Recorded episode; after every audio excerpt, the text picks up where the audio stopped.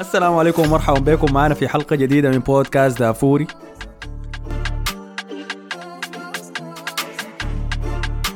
بودكاست خيلانك المفضل الباحثين عن الثلاثة نقاط بالحياة.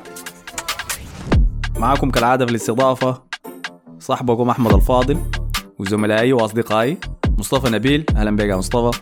أهلا بكم أنا صاحبكم ما بتكرهوا بيجي- بيجينا اصحاب يعني فيصل عنده صاحبه بيكرهه وحسن فضل أهلا بك يا حسن. أهلين وسهلين يا أخي. مع الاسف مع الأسف قربنا لنهاية كأس العالم. كعبة. نعود معكم حاجة كعبة وحاجة مك... حاجة كعبة وحاجة كويسة برضه في نفس الوقت. معلش قاطعتك. شنو؟ هو؟ انه كأس العالم حينتهي؟ أي. ما عشان والله. عشان الأجواء صراحة. ما هو دي الفعاليات ظريفة يعني خسارة تنتهي صراحة. أنا ما عايز أرجع لبرشلونة واليوروبا ليج والحاجات دي أنا مبسوط هسه هنا. يوم. أنا برشلونه ده حنجيب سيرته في الحلقة دي لأنه أنا زيشت منكم؟ زيشت من لاعبينكم خلينا في كأس العالم يا فنعود معكم بأسبوع جديد تغطيه جديده لمباريات. ده كان شنو؟ دوري الثمانية التي انتهت. وكمية ضخمة من المفاجآت. ضخمة شديد. وحرجنا إحنا. في توقعاتنا اللي قلناها للفرق اللي حتتاهل وحرجتوا أنتوا ذاتكم. يبقوا قاعدين تضحكوا فينا. الليلة حدث مميز في تاريخ بودكاست دافوري. إنه لأول مرة ولا واحد ولا تعليق واحد تحت الحلقة يتنبأ بالمتأهلين صح. ولا نحن ذاته. ما بتحصل إحنا بنغلط كثير لكن أنتوا عاملين فيها الحريفين. آي آي. كل شوية بينبذوا فينا وقاعد يدخلونا عن قريب وما عارف شنو. ها. هاي المشكلة شنو. عبد الله كمان بالفوتوشوب ال- انت وين انت وين توقعاتك يا عبد الله كده انت طلع لي آه،. توقعاتك. ف... فده ده دلالة يعني على كمية المفاجآت في النسخة دي من كأس العالم. واللي بتأكد رأيي إنه دي من أفضل نسخ كأس العالم. اللي أنا شفتها أنا عارف ده تأثير في حاجة اسمها تأثير ال- الحداثة إنه الحاجات اللي بتحصل قريب من الوقت الحاضر بنشوفها أحسن من الحياة اللي حصلت في الماضي. ولكن كل المنتخبات الأوروبية الكبيرة طلعت ما عدا فرنسا. هي الوحيدة اللي لا زالت تحبي يعني. فحنتكلم عن الحياة دي كلها. لكن ما ينفع نبدأ قبل ما أذكركم إن عندنا group بتاع التليجرام يا سادة. صحيح؟ احتمال تكون نسيت فأنا لازم أذكرك.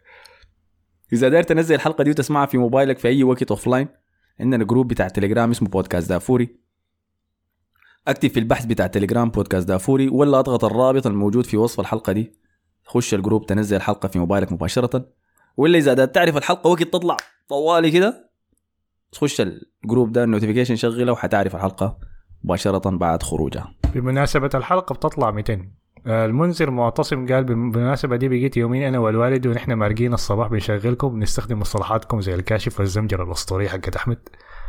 وبقى يوميا يسألني الحلقة طلعت والله. لا اسمع نزل له ال- هنا.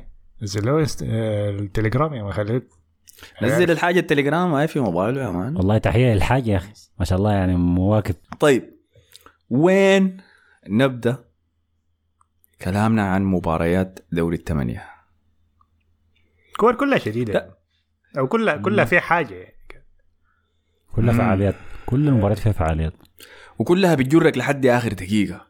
ما كان في مباراة محسومة كده. حتى المباراة اللي كنا قايلين انها محسومة آخر عشر دقائق اتقلبت على راسها. طيب خلينا نبدأ بالعجائز طبعا. بيقولوا ش... كبار السن قبل صغار السن فهمتني؟ أنتم السابقون نحن اللاحقون كل الحاجات دي. خلينا نبدأ بكرواتيا. وفوزهم الفاجئ الجميع على البرازيل. أنا كان سؤال في. مكانه يا أحمد. في- هل فاجأ الجميع فعلا؟ كله اتخلع بفوز كرواتيا. آه يلا أنا حسي لما جيت أراجع تنبؤاتكم في التعليقات. أول اسم بلقاه دائما في كل توقع البرازيل برازيل برازيل برازيل. فبس بشوف البرازيل بجليك بمشي اللي بعديك طوالي طيب إحنا الثلاثة توقعنا إحنا توقعنا شنو حسن إحنا توقعنا البرازيل برضو يا. أنا ومصطفى وأحمد توقعنا ان البرازيل تتأهل أنا يعني. قلت لو اشتغل طيب. أشواط إضافية برضه البرازيل حيتأهل يعني. عاندنا المرة دي عاندنا طيب منو يستلم الدفة؟ منو داري يورينا في شنو حصل شنو مصطفى لأنه كان زعلان أنا ما كنت زعلان لا لا كان سعيد هو لأنه لا أنا الأسبوع اللي فات قلت لك أنا ما كان عندي مشكلة مع الرقص لكن الكورة دوار وهذه الكورة دايره طوال يعني المباراة اللي بعديها يعني الاحتفال اللي كان زايد في مباراة الهنا ديك خلصوا كله. خلص كويس خلص خلص رقصاتهم كلها الدوري الفاتح. ف يعني كرواتيا قدمت مستوى ممتاز من الشوط الأول. كان ضايقوا بادائهم الغريب ما مفهوم دفاع ولا ما أعرف كورتهم ديش نزات كرواتيا دي. فصعبوا الموضوع عليهم ضغطوهم يعني وصلهم لحد الأشواط الإضافية. وأنا ما فاهم صراحة كرواتيا دي بتطلع بالتعاهه يعني بعد ما البرازيل دخلت جول قلنا خلاص ك- كتلوم لأنه ما في مجوال يعني برضه دخلوا جول يعني في الآخر. ف المباراة كانت أيوه المباراة كانت ما كانت كويسة ما كانت حلوة يعني كمستع... كأداء يعني. أنا زي ما قلنا الكأس عنده معظم المباريات ما فنيا ما ما كويسة يعني لكن الدراما اللي حصلت في الآخر دي كانت شديدة يعني خلال المباراة كاملة. مم. طيب لو قلت لك إنه في 120 دقيقة كرواتيا سددت تسديدة واحدة بس على الهدف بصدق جا يعني. منها الجون أزيدك من الشعر بيت في ال 120 دقيقة استحواذ كرواتيا كان 51% ده, ده الوسط بتاعهم يعني الوسط بتاعهم ده أنا. أنا شايفه أحسن وسط في الفرق الباقية دي كلها يعني. مودريتش وكوفاسيتش وبروزوفيتش ديل بيحفروا الملعب كامل يعني دفاعيا وهجوميا. بالضبط هاي. ممتازين دي شديد. النقطة دي النقطة اللي بالحرف اللي قلناها الحلقة اللي فاتت يا مصطفى إنه إذا في حاجة هتغلب فيها كرواتيا البرازيل هو نص الميدان. اللعيبة ديل بيتحكموا في رتم المباراة زي ما هم عايزين بيقدروا يقرروا متين يهاجموا وده يدافعوا. هم مودريتش والمعاهو الاثنين ديل كويسين. البرازيل دي الحاجة اللي بتفتقدها. ما عندهم أي لاعب ولو بنص إمكانيات مودريتش في النص ولا بالاثنين الباقيين. عندهم كاسيميرو دفاعيا يمكن أحسن من الباقيين ديل. بعدين فده الفرق ده الفرق في لما قدروا يرجعوا في النتيجة. بعدين مودريتش ده خلاص. يعني خلص كلامي فيه يعني ما ما بقدر ما أعرف شنو أقول فيه تاني ذاته يعني زيادة يعني. الزول ده بجد يعني أنا شايفه أحسن لاعب وسط في تاريخ الكوره كلها يعني. خلاص يعني. ما باقي حاجة ما عملها يعني البني آدم ده. ف لسه استنى كأس يعني العالم الجاي عشان تشوف استنى. لا ما هو 26. شايف هو بيذكرني بشنو الحاجة دي شفتها أنا كنت كان قاعد يعيدوا مباراة مباراة زيدان دي ما أعرف في واحد من ال... آه، في وا- في بي إن في في واحدة من الفترات دي يعني في الأيام اللي فاتت دي هو بيذكرني بميزان بزيدان بأنه كده النوع اللي بيطفو في الملعب يعني تشوفه كده كأنه بيطفو في الملعب يعني ما بيتحرك عادي زي الناس يعني. ف لا قدم مباراة ممتاز زي زي كل مرة يعني ما, ما حاجة جديدة عن. مودريتش يعني. لا انت ما قصرت مع مودريتش ابدا دائما يعني. آه، لكن برضه يعني كل مرة بيفاجئ. مشجعين الريال. يا أخي مصطفى بس مودريتش بس بيمدح مودريتش بس يا خلاص. بيحب مودريتش شديد. لكن ممتاز هو ممتاز فعلا. أهميته الكبرى إنه هو هو أحسن. آه أتفق معاك يعني. يمكن ما لدرجة أحسن لاعب وسط في التاريخ لكن إذا بنتكلم عن البطولة الحالية دي فهو أحسن لاعب وسط في البطولة كلها. ليه؟ لأنه هو ال- النجم الموجود في فريق كرواتيا دي. هو زول بيدي بقيه البقية اللي حوالينه كلهم الأمل يعني إنه ممكن نعمل شيء في المباريات دي. بالضبط. اعتراف سريع. أنا ما حضرت المباراة دي كلها. لسببين رقم واحد إنه عزموني قال لي رح ماشيين ناكل سلات يا مان تعال معنا. أنت مجلي المباراة دي طوالي جاهز تعرفوا السلات أنتوا؟ لا لا. السلات هو نوع من أنواع الشيء مشهور في شرق السودان يعني. فبيعملوا الشيء لكن ما ما بخطوا ال- اللحمة فوق الفحم. بيخطوا فوق حجار. يعني بيولعوا فحم ونار في الأرض بيخطوا فوقها حجار بيخلوا الحجار دي تسخن بيخطوا فوق الحجار دي اللحمة. في اسمها سلات أن- أروع نوع شيء ممكن تأكله في حياتك. فأنا عينت بيجي شفت مودريتش وعينت جاي شفت السلات ومشيت للسلات ده زي ده زي اللي. بيعملوه على الحطب يعني. على الحطب؟ لا لا دي اللحمة بتكون راكدة فوق الحجر طوال آه آه ما في ناس بيخطوا على برضه على الحطب. الحطب كده بيكون ما أعرف مرمين عليه حاجة كده بتاعت ال- لحم الستيك وكده. لا لا ما شفتها دي. لكن دي. أوديك الظريف شنو؟ يعني عاين أنا المباراة كان حتبدأ لها 10 دقائق بس. سلات. لنا عن اللحمة. ممكن أعمل لكم بودكاست براوي يعني الموضوع ما عندي أي مشكلة. مشيت كويس. عملنا الشيء شوينا اللحمة أكلنا عضينا خلصنا وجينا راجعين والمباراة لسه ما انتهت. دي, دي طيلة المباراة دي يعني. فأنا الوقت اللي جيت راجع فيه دخل نيمار قام الفوز في الإشواط الإضافية حق الجون هدف ممتاز. هدف حلو شديد بتاع نيمار. وجول حلو جداً شديد. جدا رائع يعني. ده هدف عالمي عديل كده لأنه كله حول النيمار كله صنعوا نيمار بدأوا من البداية لحد النهاية لحد ال finish وإنه زح الحارس وسجلها خدتها فوق في سقف الشبكة تاني ال finish المحرمة زي ما بسميها. عالمي. هو لكن ال... أنا اللي عجبني إنه هو الوزن بتاعته لأنه في واحد دفره يعني. في واحد دفره لما كان يستلم الكورة. ولو كانت قاعدة في أي حتة في الملعب كان وقع على كتفه زي كل مرة. لكن هنا بس يعني عشان عايز يدخل جول. بيذكرني بأجويرو يعني. بتذكر جول أجويرو في كوينز بارك رينجرز لما واحد خش عليه وبرضه ما وقع؟ نفس. يعني يظهر لك إنه اللاعبين دول منافقين كلهم يعني. أكيد. لكن لكن نيمار في الشوط الثاني ضيع له فرصتين في نفس الحتة. كانت على يسار الحارس في نفس المكان وشاتها في الحارس مرتين يعني. فانا ما شايفه كان لعب كويس خالص لكن ال goal ال goal عالمي بجد يعني وعندي عليه ملاحظات يعني في ضربات الجزاء يعني.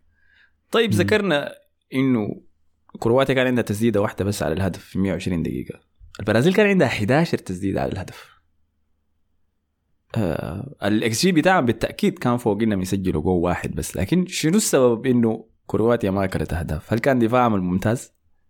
دفاعهم كان ممتاز وحارسهم كان ممتاز ليفاكوفيش بالضبط. مصحصح الحارس. وعندهم المدافع ده لابس قناع ده. جفارديول. أي. أنا اقتنعت به. أنا اقتنعت إنه وصغير بالمناسبة الولد ده يمكن عمره 20 سنة بس. فاقتنعت به بالبطولة دي إنه مدافع ممتاز.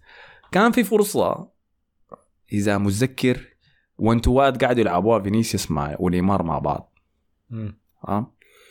فبنوها مع بعض. فينيسيوس إدى الكورة لنيمار خش جوا الصندوق عشان نيمار يرجع الكورة لفينيسيوس فنيمار عمل نفسه داري باصي الكورة ل- لفينيسيوس وبعد ذاك جرى فينيسيوس قبل وشاتها هو براو يعني ليه؟ لأنه في راسه إنه خدع الناس اللي وراه بالتحديد جفارديول إنه أنا حباصيها لفينيسيوس فتفتح لي مساحة إني أسدد فيها قبل وراه وشاتها لقى إنه جفارديول قفل له. أنا شفت اللقطة دي قلت الولد ده معلم ما في كلام بينما باقي الناس طبعا بتلوم نيمار شايف نيمار اناني ليه ما باصها لفينيسيوس لكن اتفهمت عنده بعد آه، تفكير هاي. okay لو جينا إحنا اللي حصل بعد الجون شنو؟ قبل ما نصل ضربات الجزاء. الدقيقة كم؟ 114 115 البرازيل سجلت هدف واحد. باقي خمسة دقائق الكرة تنتهي. آه، دار العجزة بتاع كرواتيا ده خلاص يعني ما قادر يعمل شيء غير طبعا. والمشجعين احتفلوا كأنه خلاص يا أخي لأنه الكوره كان فيها جول واحد. اي بالضبط انتهت خلاص ما في شيء ثاني بيتعمل في الكورة. مودريتش بس لسه بيجري يعني.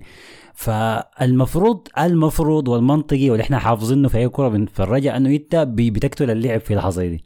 باصي ورا بت... يتحركوا في نص الميدان جري لعيبة كرواتيا انت اللي ما تجري. لكن اللي حصل لا إنه لعيبة البرازيل فضوا النص وبقوا كلهم قدام. طبعا أساسا كان في تبديلات هجومية كثيرة عملها تيتي. فبدل ما اللعيبة الهجوميين دي يرجعوا يغطوا النص لا بيقوا بيجروا كأنهم هم الخسرانين 1-0 مش فايزين 1-0 في يعني قمة في السذاجة يعني من لعيبة البرازيل. وحتى لما يكون مهاجمين يا man بيباصوا غلط. واحد بيجري براو يا man و... ريتشاردسون أظن كان منو كان؟ ما كان ريتشاردسون. واحد يا نيمار كان صفر جاري. و... و... وما ما لعبها للاعب على الطرف. حاجة زي كده حاجة حصلت كده قبل الجول أظن ذاته. وبعدين أنا تعبت يا. مصطفى عشان أعرف اللاعب اللاعب الشعر اصفر منو هو فيهم آه، لأنه كلهم 200 صبغوا شعرهم كلهم كلهم صبغوا في نفس القعده يا man كانوا مصورين خاتين صورة يا مان في نفس يا الحلقة أحمد يكون الحلاق بتاعك ذاك يا مش عنده خلص الصبغة الصفراء عنده مرقوا آه أنا أقول شعريه اختفى وين يا مان. ما يلا. قاعد يرد على رسائلي تبديلات تيتي دي كانت تراش كلها يا. مطلع فينيسيوس يا مان. وخلي رافينا ولا كان كان طلع منه هو رافينا ده ليه لاعب لسه لسه بيلعب أساسي يا مان. ما بزول عارف مارتينيلي ما خش مارتينيلي ما خش أيوه ما قالوا عشان ما صبغ شعره احتمال أيوة، شكله عشان والصبغه خلصت يا أخي الفكرة هنا ما في في قطر كلها ما في صبغة. فينيسيوس ذاته ما صبغ شعره يعني. تبديلاته كانت غريبة ما فهمت أنا تبديلاته اللي ذاتها رودريجو ما خش يمين يا مصطفى بعد ما دخل لعب شمال آه يعني ما ليه؟ دخل مكان فينيسيوس لأنه ما ما دخل آي. هو أصلا هو أصلا جناح شمال رودريجو لكن خلاص يعني عشان ما عنده حتة في ريال مدريد فبيلعب يميني. هو أول تبديل له كان مرق رافينيا دخل أنتوني مكانه. ورافينيا سيء بطولته دي كلها كانت سيئة كان من البداية. لحد النهاية. فاتضح إنه متذكرين قلت لكم المباراة اللي فاتت ضد كوريا الجنوبية. الشوط الثاني كله بقضوا بيحاولوا يخلوا رافينيا يسجل فيهم. عشان يسجل جونه الأول يعني في كأس العالم. فطلع إنه. كان داير يهدي الجون ده لطفله. الما مولود لسه يعني مرته حامل هسي حتولد وطلع من كأس العالم بدون ما يسجل الجون ده. لأنه بيفكر بعد الهدف ما يفكر الهدف ذاته يجيبوه كيف. ده الاستعجال بتاع البرازيليين. فاول كان أول تبديل خروج رافينيا ودخول أنتوني مكانه ثاني تبديل كان دخول فينيسيوس ودخول رودريجو مكانه تبديلات نفس الشيء كانت. أنا شفت مباراة تعبانة كانت من كاسميرو صراحة. ريتشاردسون مرق بعد ذاك ودخل بيدرو مكانه ده هو التبديل اللي أنا استغربت منه يعني. وباكيتا بيدرو أنا ما شفته ذاته. باكيتا لا لاعب الكورة كلها وما مدخل اسمه شنو بتاع نيوكاسل ذاك جمارش؟ جمارش؟ جمارش أيوه ما كان. هو ما جمارش بيلعب مكان كاسيميرو ما بيلعب مكان. ده. آه لكن هجوميا عنده حاجة زيادة يعني أحسن. برضو أنا شفتها مثلا جمارش جنب كاسيميرو يمسكوا النص يمسكوا الكرة أكتر أحسن من اللخبطه الجايه ما تيتي دائما بعد ذاك في الاشواط الإضافية مرق فريد مرق لوكاس باكيتا دخل فريد مكانه مرق آه، ميليتاو ودخل أليكس ساندرو مكانه. هلا يعني أنا ما شايف إنه في شيء ممكن تقوله ذاته عن أحداث المباراة بأنه شنو الخان تيتي. لأنه إدار إدارته لكل المباريات ما قدرنا نعرف فيها شيء عن طبيعة الفريق ده في اللحظات الكبيرة. ده, ده أول- أول مباراة كبيرة لهم صح؟ في ال... آه في كأس العالم ده. أول مباراه أول مباراة يتخطوا تحت الضغط ده. ما إحنا ده برضو كان سؤال طرحناه المرة اللي فاتت. اللعيبه البرازيليين يتصرفوا كيف لما ينضغطوا. هل هي يبدوا في العشوائيات بتاعتهم؟ زي ما قال مصطفى الباصات ما ما عرفوا مشى وين وكل زول جاري براو ولا هي يعني يركزوا في الواطه ففشلوا بس في, ال- في, ال- في الاختبار ده يعني بكل وضوح. خلاص وصلوا للبلنتيات يا man. و آه طبعا رودريجو أخذ أول بلنتي. يلا هو رودريجو ضيع أول بلنتي لكن شخصيته أنا شايفها حاجة ممتازة شديد إنه تاخذ أول بلنتي يعني. دي حاجة أنا بحترم. ما في أنا أنا بحت... لا هم حيلوموا حيلوموا. برازيلي حيلوموا أكيد. لكن تاخذ أول بلنتي ده وتشوته دي حاجة كان المفروض واحد تاني أشقر يشوت البلنتي ده. كأول. واحد. آه زي أول بلنتي. آه، المفروض هو يشوت يعني بدل يستنى الخامس زي أنا ما أعرف استنى تستنى الخامس ليه؟ انت احسن واحد. بيلعب بلنتيات أيوه عشان تحتفل. أيوه لكن ما التفكير في الرقيصة زيادة عن اللازم. ده شغل الجونات ده, ده, ده ما ينفع. أنت لازم يكون تفكيرك في الكورة. أنا داير أسجل عشان الفريق يهدى مش داير أسجل عشان أحتفل. آه فده فده, دي حركة بطالة يعني. فده هبل يعني. آه. أحمد قالوا شنو في في موضوع آه، رودريجو؟ شنو المقولة اللي طلعناها؟ والله دي اللي أنا استغربت منها. أنا كنت بقول إنه دائما رودريجو ده شكله بنغالي ولا هندي. كنت متوقع إنه دي أصول يعني. فبعد ذاك لقيت الميم حايمة في تويتر بعد ما ضيع البلنتي بيقولوا أنا برازيلي عندما نفوز وبنغالي عندما نخسر. أنا ما شايف إنه في زول بينتقد رودريجو على الموضوع ده. إذا كان هو الطلب إنه ياخذ البنالتي الأول حاجة ممتازة بتوريك عقلية اللاعب ده كيف. لكن المشكلة إنك أنت أصلا وصلت اشواط إضافية مع كرواتيا. بغلطتك صح. في زول لحد هسه ما عارف الحاجة دي. بس لازم أثني كمان على حارس كرواتيا تاني مجددا يعني. آه، ليفاكوفيش هو اسمه. أنا كل ما جاء واحد من لعيبة البرازيل داير يسدد البنالتي بتاعته أنا حسيت بالضغط هايل. حسيت بالضغط ال- الواقع على اللاعب ذاته. يعني حتى البنالتي اللي سجلها كاسميرو اللي بنالتي عالمية. ممتاز خدتها. في جيب الشبكة وحتى كله الحارس نط في الاتجاه الصح ولمسها. ف شفت بعد اطلق بس يعني شفت بعد. شال الكرة ادالي مودريتش مم. أنت إحساسك شنو كان اللحظات دي؟ ما شفتها ذاته ال stream كان أظن بعد. ما سددها شالها ادالي مودريتش وابتسم له في وشه كده ال stream كان قطع ذاته. أي فكده البرازيل رسميا خارج كأس العالم وبعد ذاك بدأ البكا أنتوني قاعد يبكي في الأرض نيمار قاعد يبكي لقطات البكا كلها. لاحظتوا إنه بعد ما. سجل النيمار الجون بتاعه مشوا كلهم احتفلوا معه ما كان في رقص آه، خلاص ضغط man الناس ما مركزة. ضغط آه، يعني ضغط أيوة. الجد يا man فإحنا السؤال اللي سالناه في الحلقة اللي فاتت قلنا هل الاحتفالات والرقيص ده ضد كوريا كان فيه استهتار وتقليل احترام لكوريا؟ أنتوا قلتوا لا لا دي ثقافتهم. طيب حسي لما جات اللحظات الكبيرة ليه ما رقصوا؟ لو جابوا الهدف في ال- في, في أول 90 دقيقة مثلا والشوط الأول كان رقصوا عادي لكنهم خلاص هسه بقوا في حتة أها يعني إحنا. الثقافة بتتجزأ يعني, يعني هم قالوا لي إنه الرقص بتاع البرازيليين ده ثقافة فالثقافة بتتجزأ. لما يكون في ضغط ثقافتنا ما بنهتم بها ما- لكن لو ما في ضغط بنهتم ما, بها. ما انت ما, ما بتجي في بالك طوالي هي دي الفكرة هنا يعني. ما بتكون حاجة. انت إنت في بداية المباراة هذه بتفكر في حاجات كثيره شديد عادي أنا داير أسجل وأحتفل وأرقص وأضحك مع ده ولما أجي ألعب الركنية ما أعرف عين للكاميرا. لكن لما تصل اشواط إضافية وبلنتيات الحاجات دي كلها بتطلع من راسك. هم لو كانوا لو كانوا مثلا فازوا ببلنتيات كانوا كانوا رقصوا برضه خلاص إنهم فازوا في اللحظة دي. لكن هم بس ما يعني في تحت ضغط رهيب شديد وأول مرة يتخطوا تحت الضغط ده البطولة كلها يعني ودي الحاجة يمكن دي تكون المشكلة إنك أنت لما يكون طريقك سهل دي مشكلة دي ما حاجة كويسة من صالحك يعني. آه ما زي ما ما, زي الأرجنتين يعني دائما تحت الضغط يعني بيصحى بالليل مهجوم يعني. ما بي ما بينوموا كويس بيجوا ميسي ميسي بيجوا الجاثوم ذاك يا صاحبنا النوم. يخنقوا آه، أنا أنت- زعلت شديد صراحة لما شفت ال penalty shootout ده وشفت البرازيل مرقت منه. لأنه كده كرواتيا مشت نصف النهائي وأنا ما دار أحضر مباراة ثانية لكرواتيا والله. أنت الكلام ده قلته كثير يا معلش يا جماعة والله لكن داير أكون صريح معاكم أنا ما داير يا أخي. أنت حتوصلهم النهائي كده تاني يا أحمد. لأنه فريق ولا دايرك تفوز ولا دايرك تخسر. يا زلمة أنا مع كرواتيا يعني داير ولا دايرك تفوز ولا دايرك تخسر. أنت بس تقعد تلعب ألعب ال 120 دقيقة دي. أنا داير الآلة 100 ألعب 120 دقيقة دي بعد ذاك نشوف. بعدين باردين أنت والله لاحظ إنهم باردين. يعني أنا في نصف. النهائي ده حكون حك يعني حتكون فريقين عكس بعض خالص يا مان فريق هادي. كل ما بيمشوا كل ما بيمشوا أبعد في البطولة كل ما بردوك زياده. لكن إنجاز ضخم يعني. إنجاز ضخم. المحادثة بتاعت إنه مودريتش أحسن لاعب وسط في تاريخ كرة القدم كلها لازم نرجع لها. فتهانينا يعني لكرواتيا. خلينا نمشي يلا للمباراه اللي بعديها كانت المواجهة الأخرى. كرة الرجال الذي تعرف بكرة الرجال. دي المباراة السمحة وأنا كنت أعرفها حتكون سمحة فجهزت نفسي لها من البداية. وجهزت للمشاعر العاطفية اللي حتكون منكشحة في ال timeline كما حدث يعني. اليوم اللي بتكون لعبة فيه الأرجنتين في كأس العالم ناس حسن ديل بيصحوا من الصباح بي صببونا عرقا يا man فهمتني؟ أنا ما أعرف إحساس أقدر أشبهه لك بشنو يعني زي كأنه عندك يوم final فهمتني؟ يوم أكبر امتحان في حياتك. مم. أي امتحان في حياه امتحان رخصة السواقه امتحان ممارسة المهنة امتحان الجامعة الأخير تقديم مشروع التخرج ده الإحساس اللي بيحسوه مشجعين. مشجعين ليونيل ميسي مشجعين الأرجنتين أيام كأس العالم. ف لسبب ما أنا لما راجعت توقعاتي شفت إني خطيت هولندا المرشحة إنها تغلب الأرجنتين. لا بس لثقتي في لويس فان وليس لأي سبب آخر. يقوم يجي لويس فان خال يجوط الشغل كلها ويخش المباراة دي بأغرب تشكيل تشكيله أنا اشوفها يعني, يعني رجع ديباي أساسي في التشكيله شال جاب كودي جاب كل مقدم أحسن أداءات له في البطولة دي أما كمهاجم ولا جناح. جناح. خدته رقم 10 في المباراة. دي كمان فجاط الشغل شديد.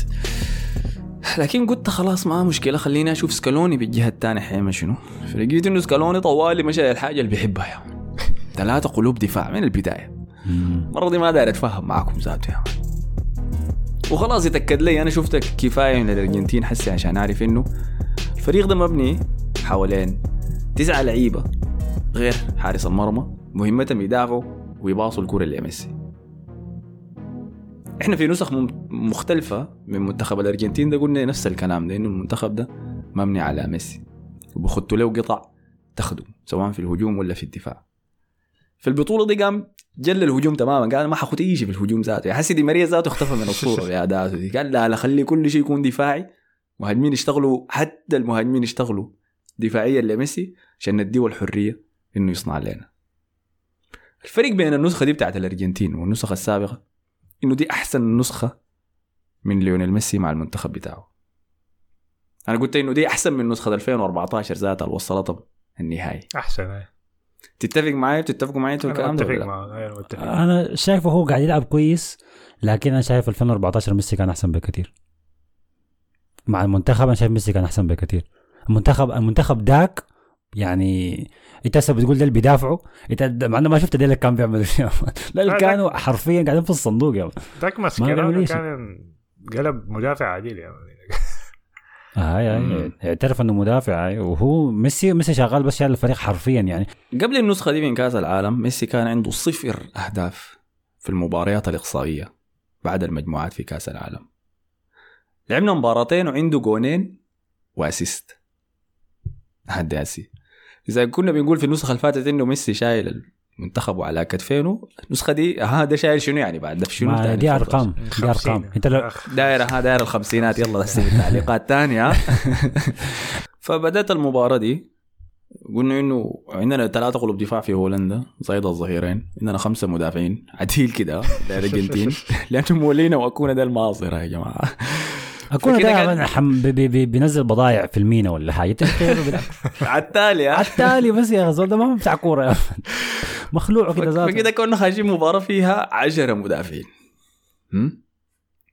آه، ولكن بالرغم من ذلك يكون ليون- ليونيل ميسي في أرضية الميدان يتجسد السحر عليها وده شفناه في الجون الأول اللي صنعه لمولينا بتمريرة من أروع ما يكون أروع ما يكون ما شافوا. ولما شفتها بالعاده البطيئه لقيت إنه ميسي ذاته ما عاين. ميسي ذاته ما عاين لمولينا كان قاعد وين وباص له ووصل له. حافظها فان دايك تهجم ذاته يا مان قال شنو ده؟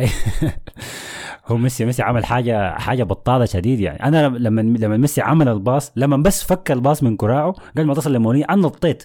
نطيت لأنه ده يعني متعود أشوف ميسي بيعمل حاجات خارقة لكن لحد الليلة ما شفته عمل باص من غير ما يشوف المهاجم خش وين وباص كويس زي ده. أنا أنا لو حصلت مع في المنتخب مع المنتخب ما مع برشلونة مع المنتخب. أنا يا أحمد لو اديتني الكورة وتسمع ده مولينا خش كده كويس؟ وما في مدافعين ذاته ما حد له صحيح. الكوره حتى هتقلش مني. لكن أنت مهاراتك الكروية نحن عارفين يعني ما في داعي. أنت ما عارف. ما قاعد أقول لك. فالباص من أروع ما يكون. مولين الفينش كان كويس كمان. جودة الباص ادته وقت كفاية. إنه يكون منفرد مع الحارس كمان عشان يختار الحتة اللي داري يفنش فيها براحته. مولينا ما من مهاجمين الأرجنتين. مولينا اللي كان لاعب ظهير يمين. فاتقدموا الأرجنتين بالنتيجة من الشوط الأول. وحتى قبل ما يخش ال- الخش الجون ده يعني قبلها بدقائق أنا حسيت إنه شنو؟ يا مان الماعز اللينا في المزاج يا مان. الليلة هو في جو ذاك. شفت ال- الأيام اللي بتجي؟ في دائما بتحصل في ليالي الأبطال أنا متذكر زمان 2016 2015 مم. لما ميسي يستلم الكورة أنت بتعرف إنه الليلة هو ناوي شر. فحسيت بالإحساس ده. فبعد ما جاب الجون ده الثقة انتشرت كده على أرضية الميدان كمان وشفنا لمحات لميسي القديم ذاك يا مان. يستلم الكورة يلف. بس بلمسته يراوغ اثنين ثلاثة. يعني بس باللمسه ساي. يا سلام. فالمهم وصلنا المباراة.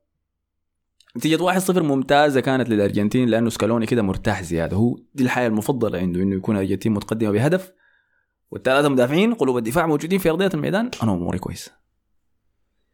بدينا الشوط الثاني. هلا الهولندا صراحة ما قدمت أي شيء. آه، عملت إيه أنا عدى آخر 10 دقائق. هاي. ف مع مرور الوقت في الشوط الثاني قدروا الأرجنتين يكسبوا بلنتي عن طريق أكونا. سبحان الله. أكونيا. كونيا اسمه؟ آه، آه، اكونيا أو أي N فيها ال- ال accent دي ولا الشرطة دي دي بينطق- تنطق النياء كده فاكونيا أكونيا؟ مم. طيب.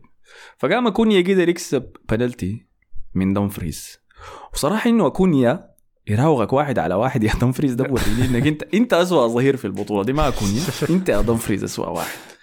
طبعا لازم نتكلم ما ما ذكرنا إنه حكم المباراة لاهوز يا أخي أعوذ بالله أنا ما كل كل أعوذ ح... كل. مباراة فيها حكم اكعب من اللي قبلي أنا ما أعرف طلعوا عليهم أكيد طلعوا اللي هنا قاع البير يا مان الحكام يا مان في في, ال- في الدور ده. هيك بطال لاهوز يا أخي. الظريف إنه مايكل أوليفر كان الحكم الحكم مباراة البرازيل وكرواتيا الحكم الإنجليزي الوحيد في كأس العالم إذا ما خانتني الذاكرة هو أنا شايفه هو أحسن واحد فيهم كلهم. وين السنة كلها بندق جرس في مع حكام الدوري الإنجليزي. لكن لاهوز كان محط الانتباه بالتأكيد طبعا. في المباراة دي. attention whore يا مان ده أساسا ده لاهوز إحنا بنعرفه بتاع الدوري الإسباني. لازم يوريك إنه أنا قاعد في الملعب. أنا مهم زي I matter يعني. ده زي اللعيبه الباقيين يا مان. فلازم- ميسي لكن أنا ما شفت ميسي بيتكلم مع حك- حكم كده زي ما بيتكلم مع لاهوز يا مان. عارف المشكلة. نبذوا بعد الكورة ما سب ميسي له نبذ- لكن بعد المباراة. بس كلهم سبوا له ما هو براوي حتى مارتينيز برضه سب له يا كلهم سبوا نظام. الحكم، يعني مش المشكلة لكن- مش مش له حاجات يعني المشكلة إنه بيمشي بيديهم فاولات كثيره يعني فما عارف سب له آه، ليه. آه. نقطة ممتازة دي خلينا آه. نذكر الحاجة دي فكان في لقطة في المباراة دي في رايي كان أسوأ قلب دفاع في المباراة دي بين العشرة قلوب دفاع الموجودين في المباراة روميرو أكيد ففي لقطة كده يمكن كان بيرجواين ولا ديباي في الجناح قام عمل مهارة كده بس عشان يرفع الكورة فوق. روميرو ويراوغه الكورة أصلا كان جاية من الهواء فدقت الأرض ذاك بس لمسها عشان يتجاوز المدافع ويمشي بيه قدام. قام روميرو بيده شنو؟ نزل لك الكورة. ودي صراحة يعني أنا لاحظت إنه في النسخة دي من كأس العالم الحركه دي قاعد تحصل كثير لمسات اليد المتعمده. فأنا شايف المفروض يكون في صرامة أكثر بالمناسبة في الموضوع ده.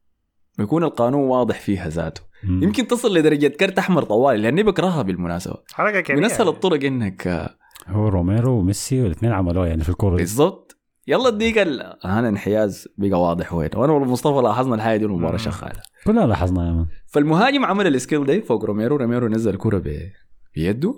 لا هو طوالي جد هو كرت أصفر. أنا دي حاجة لمسة يد متعمدة. كرت أصفر واضح. زت امسك يا روميرو. روميرو شاله معاه واتخرجت لعبت الكورة. نفس اللقطة دي اتكررت في وسط الميدان. لكورة واحد من لعيبة هولندا دي ذاتهم. ميسي رفع الكورة فوق ياسين أكي. اكي كمان كان أي. فقام ميسي شنو؟ طايرة يا مان سماش. فلعيبة هولندا طوالي جو هاي يا حكم. قام لاهوز قال لهم زحوا زحوا مم. ومشى لميسي وميسي بيشاكل فيه يا عاد تيجي يتكلم عن ميسي مش بيشاكل فيه بيسب أنا شايف ذكرني شنو مان لما يتكلم مع الحكام. أنا يعني سواريز ده لما كنت بشوفه بيتكلم مع الحكام كيف أنا بقول ده شنو ده؟ أنا ما فاهمه بيقول شنو لكن أنا كنت حديه انذار على طريقة كلامه دي سيء فميسي نفس الحاجة. مان. كأنه شغال عنده هو. هاي الحكم. آه لا, لا وهو في المباراة دي عامة ميسي كان قاعد يشاكل الناس كلها. أنا مستغرب يا أخي. آه آه يلا لاهوز لاهوز مشكلته شنو؟ تروح اسمه عين هو شاكل لهوز. ولهوز قال له يا أخي ما دام ما دام واضحه كده. قال له أنت لاقي بطل الحركات دي. يا أخي خلاص خلاص بس ما تكررها دي اداه الحكاية- كرت أصفر. ما ادى كرت أصفر بالضبط. ما الآن خلعت منها ذاته؟ لما مثلا لما أدى ميسي كرت أصفر قلت احتمال فاول لميسي في سبب يعني ولا الحكاية دي صفر عليها من بدري ولا في شيء تاني. طلع لا. طلع إنه لاهوز لازم يثبت إنه أنا حكم مختلف من بقية الحكام. مش دي واضحة أصفر؟ أنا ما بدي أصفر. دي ما أصفر أنا بدي أصفر. أنا كده بس عناد بس. وبعمل suspense وخلي الناس دي تتلمى بعدين ما بعمل أي حاجة. بس دي الفكرة كده. هي دي الفكرة كلها بتاعت لاهوز استعراض بس. ف دي النتيجة طلع بالنتيجة اللي هو عايزها يعني. متذكر كان في مباراة برشلونة ضد أتلتيكو مدريد في الأبطال زمان. قام إنيستا كان في باص بين اثنين من مهاجمين. أتلتيكو. جوا الصندوق بتاع برشلونة. قام. إنيستا وقف الكورة بيده. الحكم كان منه في المباراة دي اوعى تقول لي له لا، لا، ما- كان. لا، هو ما في الأبطال. دوري الابطال ما اليوم. حيكون لأنه ذاك لأنه يعني. طردوا انيستا هاي طرد إنيستا أتذكرها يعني. كويس هاي لا كان إنذار ثاني لكن أظن ما كان آه هي المفروض أحمر مباشر لكن اداه اصفر ثاني طيب اي فلهوز بالتأكيد طبعا أدى 16 كرت أصفر في المباراة دي معادلا أكثر عدد كروت صفراء في مباراة واحدة فبالتأكيد نال الاهتمام اللي هو دايره لكن ما مهم يعني. المهم إنه بعد ذاك شنو؟ مش يدخل البنالتي. البنالتي. سجلوا ميسي أي. آه بنالتي ممتاز صراحة. حارس ما تحرك ذاته سجله. وبعد ذاك بدأ إنه لما أرجنتين قدمت بنتيجة 2-0 المباراة اتحسمت خلاص. فمرت الدقائق شوية شوية وبعد شوية فان خال قام يا أخي قال شنو يا أخي؟ أكسر حنك الكورة ده وما أعرف شو يا man. يلا يا. نرجع لوك للسبعينات. يا man. هاي لوك دي يونغ وويك هورس راح اسخن تعالى رفعت إن شاء الله دي يا يعني. man. وبدا المسلسل بتاع العرضيات في المباراة عشان تصل أول تسديدة بتاعت هولندا في مرمى الأرجنتين في الدقيقة 83 وكانت رأسية لأسطورة بيرنلي المهاجم ويت ويك هورست عشان يسجل الجون الأول فسجل سجل الجون الأول ده حسن طوالي بدا لك ال anxiety يا. يا- الله يا لا حول ما حسن براوي. الأرجنتين لاعبين الأرجنتين كلهم يا. أنا شفت البرشلونيين كلهم في ال timeline. آه لا لا يا أخي ما حول خلاص التعادل جاي. تشاؤم. تشاؤم ثقيل. تشاؤم أنا مشيت. كتبت تويتر رديت على حسن قلت له لأنه قال الكلام ده قال بما إنه خش الأول التعادل جاي. فخشيت كتبت له تويتر قلت له في مثل مصري بيقول اللي بيخاف من الشيطان بيطلع له. بس هاي بالضبط. وذلك ما حدث. بالضبط. ما إحنا عارفين إنه الشيطان هيطلع علينا فخلاص لكن ما لكن قبل ما. الشيطان يطلع عليه يا man. ما خلاص يا man. بريد- أنا أنا أكون مت- متفائل ليه يا man؟ بريدس. يا مان خش تاكل في واحد. ذاك طلع منه. الكرة وصلت آكي. خش في آكي ذاته يا مان. طلع طير في الهواء. بعدين مش هتلاقي الكرة في بنخل يا مان. أنا مستغرب من اللقطة دي لحد يا هسه طبعا دي اللقطة اللي ولعت النار بالمناسبة في المباراة. ولعت ال- النار في لعيبة هولندا أكثر ما يلا أنا أقول لك أنا داير أمسك اللقطة دي من ناحيتين. آه النتيجة 2-1 الأرجنتين تاني رجعت لل- للجزء العاطفي وإحنا وبقوا تاني هشين وخلاص وإحنا هنقع ونخسر من كأس العالم وميسي آخر مباراة له هتكون هسه دي وهيطلع ف بدوا يتوتروا ولعيبة هولندا بيقوا رايقين وراكزين أكتر وخلاص هو بيستمروا على كراتهم الطويلة دي. فأنا شايف اللي عمله باريدس ده ده حاجة متعمدة. أنه أنا إحنا مش متوترين أنا أوتركم أنتوا ذاتكم معاي. إحنا مش واقعين تحت تقعدوا أنتوا ذاتكم معاي كده نبوظ الكورة. لا أنتوا تلعبوا ولا إحنا نلعب. ده عشان يضيع وقت واضح. لا طبعا ما الوقت في النهاية يتحسب وهي تدوا وقت بدل ضايع. ما بقى ده, ده بقى ما, ما قضية يعني. لكن هو عايز يوترهم. لو لعيبة هولندا كانوا رايقين. مثلا دي يونغ آه فرانك دي يونغ كان رايق شديد اللي في, في الكورة دي. كان في نص الميدان بيتحرك كثير يعني. فوترهم ونجح في الحكاية دي يعني. دخلهم معاهم في في الجوطة دي. الغريبة شنو؟ ما طرد كيف انت تشوت الكورة في الدكة بتاعت الفريق الثاني وما تطرد أنا دي لحد هسه برضه ما مستوعب. حقت ميسي بمشي لكن دي, دي ما بتمشي خالص. باريدس دي كارت أحمر واضحة. كارت أحمر طب مباشر كمان. مم. إيه فالمباراة جنت يلا. فان داك قتله صح؟ خش كرفس عليك أنت لك بالصدر كده طير عليك هناك. يعني. كرفس عليك أنا بس شفته دردك كده يا man في الأرض. بعد شوية. ده طلع مكال... مكاليستر يا man. مكاليستر ده ما بشوفه بيبتسم ذات في برايتون يا man. مشى هناك لبرجواين مشى قاعد يضحك له كده يستفز فيه يا man. عرفت الحركات دي كويسة. عشان ما يعملوا فيها بعدين شفاته يختفوا في برايتون مين يختل يا man عرفناكم كلكم هنا. كاس العالم كشفكم يا أخي. آه. فجاء الجون الثاني بعد ذاك. صراحة الجون الثاني ده من أجمل الأهداف في كأس العالم ده. من اذكى الأهداف. اذكى كفكرة ذاته إنه المباغتة بتاعتها آه فكانت ركلة حرة. كان سبب بها بري... كان بريدس. لا لا ما بري... أعتقد لاعب ورا باريدس جاء باريدس هو خش في الفاول لكن ما كان الفاول اللاعب الثاني دفره نسيت اسمه. يمكن إنزو يمكن إنزو هاي إنزو آه. الارجنتين الاغبياء ديل. كلهم بيشبهوا بعض. يتسبب ال- ب free kick خارج الصندوق مباشرة فقام جا واحد من ال... لينكشتانج ده ما أعرف الناس ديل يا man الهولنديين ديل. وقف فيه. وصراحة بيشبهوا بعض شديد أنا بقيت ما فرق بيناتهم في ويك هورست وفي اسمه منو ذاك؟ حق توتنهام هو اسمه منو؟ ينسن. بيرج... في بيرجواين وفي بيرج هاوس. فإنما لا عندهم نسخ كده. فجا وقف في الكورة وبوقفة الحيطه وقرب ال- الركلة الحرة من الهدف ذاتها أنا كنت متأكد إنه حيشوتها يعني. فقام لعب باص أرضي لفيك هورست الواقف في حافة الحيطه عشان يستلم الكورة يلف على الجون ويسددها على يمين مارتينيز داخل. في الدقيقة كم الدقيقه 100 و... 10 الظاهر. هو واحد ولا؟ مية واثنين. هو اظن باصاله واحد بعدين ذاك عملها كده. هاي لا تنفيذ رائع شديد وكمان في أكثر وقت مضغوط في المباراة فهمتني في اللحظات اللي أنت ما داير تمط الضغط ده لكن ده اللي عمله. ودي الحاجة اللي أرفع بها القبعة عليهم يعني. ودي آه. حاجات الشغل في في التدريبات بالمناسبة دي ما freestyle. أنا قلت لكم البتاع دي في كرة النسائية كثيرة والله بالمناسبة دائما بتظهر لي حاجة كده في تويتر بلقى لك اثنين. بلقى لك اثنين كده عايزين يلعبوا free kick بعدين الاثنين بيكون جايين على ال free kick بعدين بيوقفوا بيقعدوا يتشاكلوا مع بعض. ده نظام غشة يعني. بعدين بتمشي تباصها لهنا بت- بتخش قول. لو لقيت الفيديو برسله لكم. يا سلام. يا تخيلت اللقطة كده بي- بي- بيتشاكلوا والفريق الثاني بيتشاكلوا مالهم؟ يا ربي فيش نوع كف يجيك بيقول. فعادلوا كده هولندا ضد الأرجنتين. بالمناسبة يا مين- أحمد مين؟ الحركة دي عملها عملها عملها منتخب الأرجنتين في إنجلترا في كأس العالم 98 الباص ده ذاته. يا زول. آه كان أعتقد زانيتي وكده هو جاب الجون. في في إنجلترا. بالدور ما اعرف 16 ولا 8 ما بتذكر. شكله الحركة دي بيخ- بيخفاها كده 10 سنوات عشان الناس ما تفكر فيها بعدين بيطلعها. آه تنساه طلعها من الدولاب. فهاي إحساسك كان شنو لما عادلت هولندا؟ خلاص. المنطق بيقول أنت فريق رجع في المباراة بعد خسارة 2-0 ل 2-2 في آخر دقائق. وبشكل زي ده آه وقدام فريق تاني هش بيقول لك إنه خلاص الحكاية دي مسألة وقت والشوط الإضافي الكرة هتنتهي. هولندا تسجل هدف ثاني وثالث و... أو ثالث ورابع والكره تنتهي.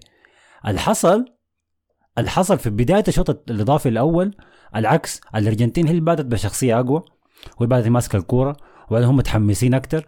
فباين إنه الكلام اللي حصل آه، بعد نهاية الشوط الثاني.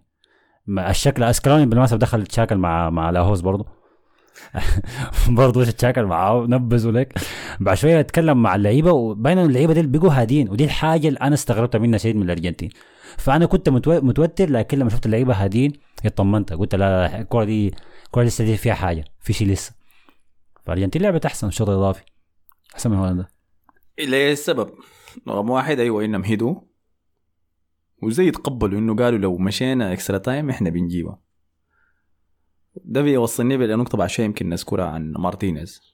لكن السبب الثاني اللي خلى الأرجنتين تظهر أحسن في الإشواط الإضافية إنه بعد ما هولندا جابوا جونين التعادل من كرات ثابتة ولا من كرة عرضية وكرة ثابتة. فخال قال لهم يلا وقفوا العرضيات نرجع للكورة العادية آه. حقنا. وده شنو ده يا أخي؟ أنت دخلت العباده كلهم.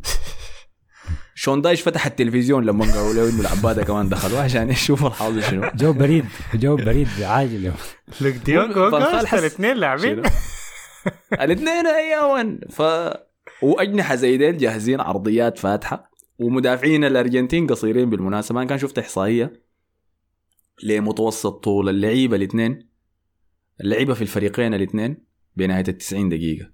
فكان طول لعيبة هولندا 100 كم 188 طول لعيبة الأرجنتين 179 ولا 178 ماكوس كان واقف وريك الفرق على في الاحجام كان واقف على مارتينيز يا مان. مبارك الشوط الاضافي كامل. ويغورس أيوه. بيعاين وين مارتينيز يا مان؟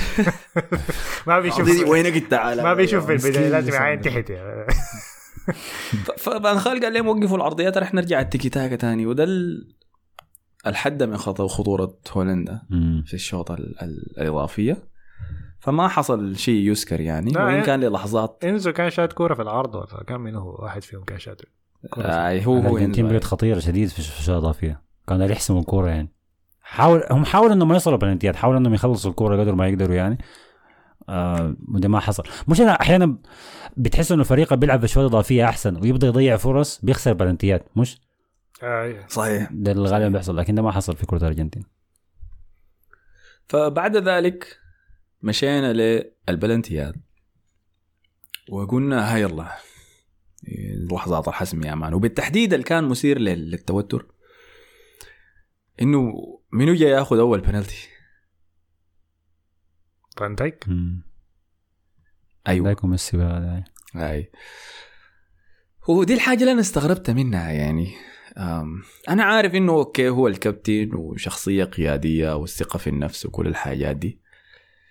لكن برضو ما ننسى إنه هو قلب دفاع يعني.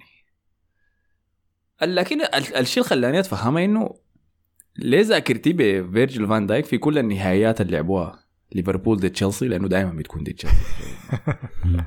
كان فان دايك بيسجل البلنتي بتاعه. بالله ما بتذكر أنا حاجة زي دي. أنا استغربت. لما شفت فان دايك قلت ما حصل شفته واقف بشوت بنالتي لا بيسجلها دائما وشي تاني ذكرته عنه إنه دائما بيشوت في نفس الحتة.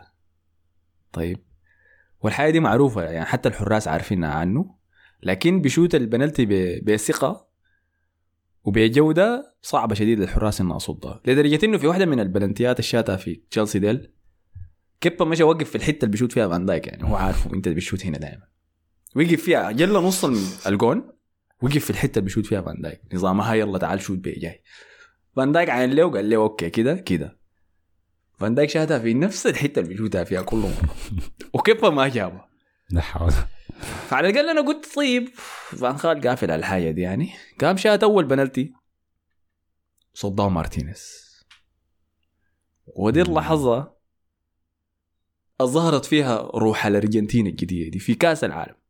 يمكن أنتوا شفتوها في الكوبا أنا ما تابعت الكوبا آه كان دي لكن- البلنتيات بتاعت كولومبيا والأرجنتين كانت عبارة عن روح بس. مع إنه ما كان في جماهير وقتها في الكرة ديك لكن بس آه، ديبو مارتينيز كان كان بس بتطعرس في البلنتيات كلها بيعاين في أهو، أي. بيدلعوه ديبو بالله. آه الأرجنتين بيدلعوه ديبو ما بيقولوا في شنو. السبب شنو يعني؟ ما عارف والله ما عرفت السبب ليه. هو ال- القصة طيب. هو ال... ال... ممكن الشخصية التراشر بتاعت اللاعبين الأرجنتيين دي كلهم أنا بكرههم صراحة كلها لكن دي ممكن هم دي بتخليهم يلعبوا كويس يعني يقعدوا يسبوا للناس وكده وشكل وبتاع دي ممكن هي اللي بتلعب بتخليهم يلعبوا كويس يعني وبتديهم ال... الحدة الإضافية يعني في المواجهات دي ما انت ما ما يكون عندك. مهارة ما مصطفى ما يكون عندك مهارة في كره عينك ما تعرف تعمل أي حاجة كويسة لكن لازم يكون عندك شيء ثاني المشكلة بدل عندهم. مهارة لكن ما ما زي طالعين بس خايفين يعني عشان كده بس بيقلبوها بشكل يعني. فلا لكن ميسي طلع بعد المباراة وقال إنه في البلنتيات حسينا بروح مارادونا معانا ده, ده بعد ما سب لوجهاس اللي قبلي ده بقى ما يسب للناس كلها هاي لهوز. ولبيك هوز و... واجويرو ذاته شاكل معاهم شاكل مع الناس كلها. آه، لكن ثقتهم وضحت والطريقة اللي كان بيحتفل بها ميليانو مارتينيز يمكن ده شيء ضروري والله يمكن مع علوم الرياضة مع الوقت حنخت... نكتشف لا تأثير. بالنسبة لهم هم ضروري بالنسبة للمجموعة. أي بالنسبة للفريق ده بالنسبة للفريق ما ذكر كان حاجة اللي عملها ياسين بونو في الكورة اللي فاتت بتاعت إسبانيا بلنتيات أو الابتسامات اللي كان بيوزعها أثناء البلنتيات يصد بلنتي بيعاين فيران توريس يبتسم على بوسكيتس ويبتسم. فديبو بيعملها على مستوى بونو. كان بيعملها بطريقة راقية لكن passive aggressive لكن إيميليانو كان يمشي صوت والجماهير يا man في وش اللاعب اللي قدام ال- البلنتي اللي بعد بلنتي فان دايك كان بلنتي ميسي. كويس؟ فجيت تاني للحتة إنه okay ميسي شات البلنتي الأول في الكورة وكان الأرجنتين متقدم 1-0 فهو كان هادي ما كان تحت ضغط. فجاب البلنتي. فالنظرية بتاعتي إنه ميسي تاريخه مع بلنتيات الأرجنتين الحاسمة ما بيسجل. ده أنا اللي حاسس كان إنه- في بالي. أنا حاسس إن البلنتي ما كان هو كان متوتر فيه وأنا شايفه من البلنتي لأنه البلنتي ما كان كويس. ما كان بلنتي ميسي ذاك اللي بيكون في ال- في الركن يعني. مم. بس حاسس إنه المشتة إنه بس عكس الحارس بس. يعني عارف أنا أنا ما حاسس شفت ميسي حاسس شفت ميسي عملها قبل كده إنه يغش الحارس ويقوم يشوتها في النص ولا حاجة. ما حاسس شفتها بس لا، قبل كده. لا. أي. دي غريبة ذاتها يعني. المشكلة حس يتحرق الكريت ده يا حسن. لو نيا عملها في زول تاني بتصل معايا هو يلعبوا مع كرواتيا عندهم مشروع اضافيه جاية كده كده. يجهز بس. يجهز بس يا مان. فبعد فيرجيل فان دايك قلنا ليونيل ميسي سجل. بيرك هاوس جا شات صد لها ميليانو مارتينيز برضو. مم. كان ممتاز في بلنتيات مارتينيز. صراحة ممتاز بعد مباراته الأولى ضد السعودية. أنا حاجة دي لازم أعترف بها. آه. أنا ما متذكر دخلته العنقريب ولا لا. دخلته العنقريب أظن. دخلته العنقريب أظن كان في كلام عن الحاجة دي. ما متذكر لكن صراحة. إلا أمشي أرجع أي وراجع. سيرته جات للعنقريب قبل كده فلما نعلق طيب ما مشكلة لما نجي نعمل السرد في حلقة حنعمل السرد بتاع العنقريب كويس؟ يمكن نخليها في نهاية الموسم كده. حنجيب كل زول دخلناه اللائحه وبعد ذاك نشوف يستحق يفضل ولا ما يفضل. ممكن بعد كأس العالم في ال break اللي قبل الدوريات. كده هاي بنشوف. لكن شنو؟ حنوريكم لها اللي حنتفق عليه كلنا إحنا وإنتو يفضل في لائحة العنقريب واللي بيدفع الكفالة ولا يتم عتق رقبته؟ خلاص. وبيهرب عادي فبعد ذاك المهم ما, ما مهم يعني. ويكهورست سجل البنالتي بتاعه. كوبماينرز سجل البنالتي بتاعه لوك دي يونغ. لكن لاوتارو مارتينيز جا سجل البنالتي الأخير. الرابع عشان يرسل الأرجنتين لنصف نهائي كأس العالم. باقي لاعبين الأرجنتين 2022. مش قبل اللي بتاع هولندا قالوا صوت انت عارف لحظة البلنتيات دي كان أنا شفت لي شفت لي فيديو تاني. آه أثناء البلنتيات ما تتلعب كل بلنتي بتاع الأرجنتين لعيبة هولندا بدوا يعملوا حركة ال- دارين ينرفزوا لعيبة الأرجنتين. فكل من لاعب من لعيبة الأرجنتين يتقدم يجي يشوت البلنتي لعيبة هولندا بيقعدوا برضه دمفراي دمفرايز والجماعة دي كلهم بيقعدوا يعاينوا فيهم ويتكلموا معاهم ويتقدموا للسنتر. ف بعدين في النهاية طيب لحد ما دمفرايز أخذ كرت اصفر أخذ كرت أصفر أثناء البلنتيات بعد ذاك في النهاية عشان كده لعيبة الأرجنتين لما عملوا الزوط دي عملوا لأنهم كانوا متوترين يعني كان لعيبة هولندا توترهم شديد.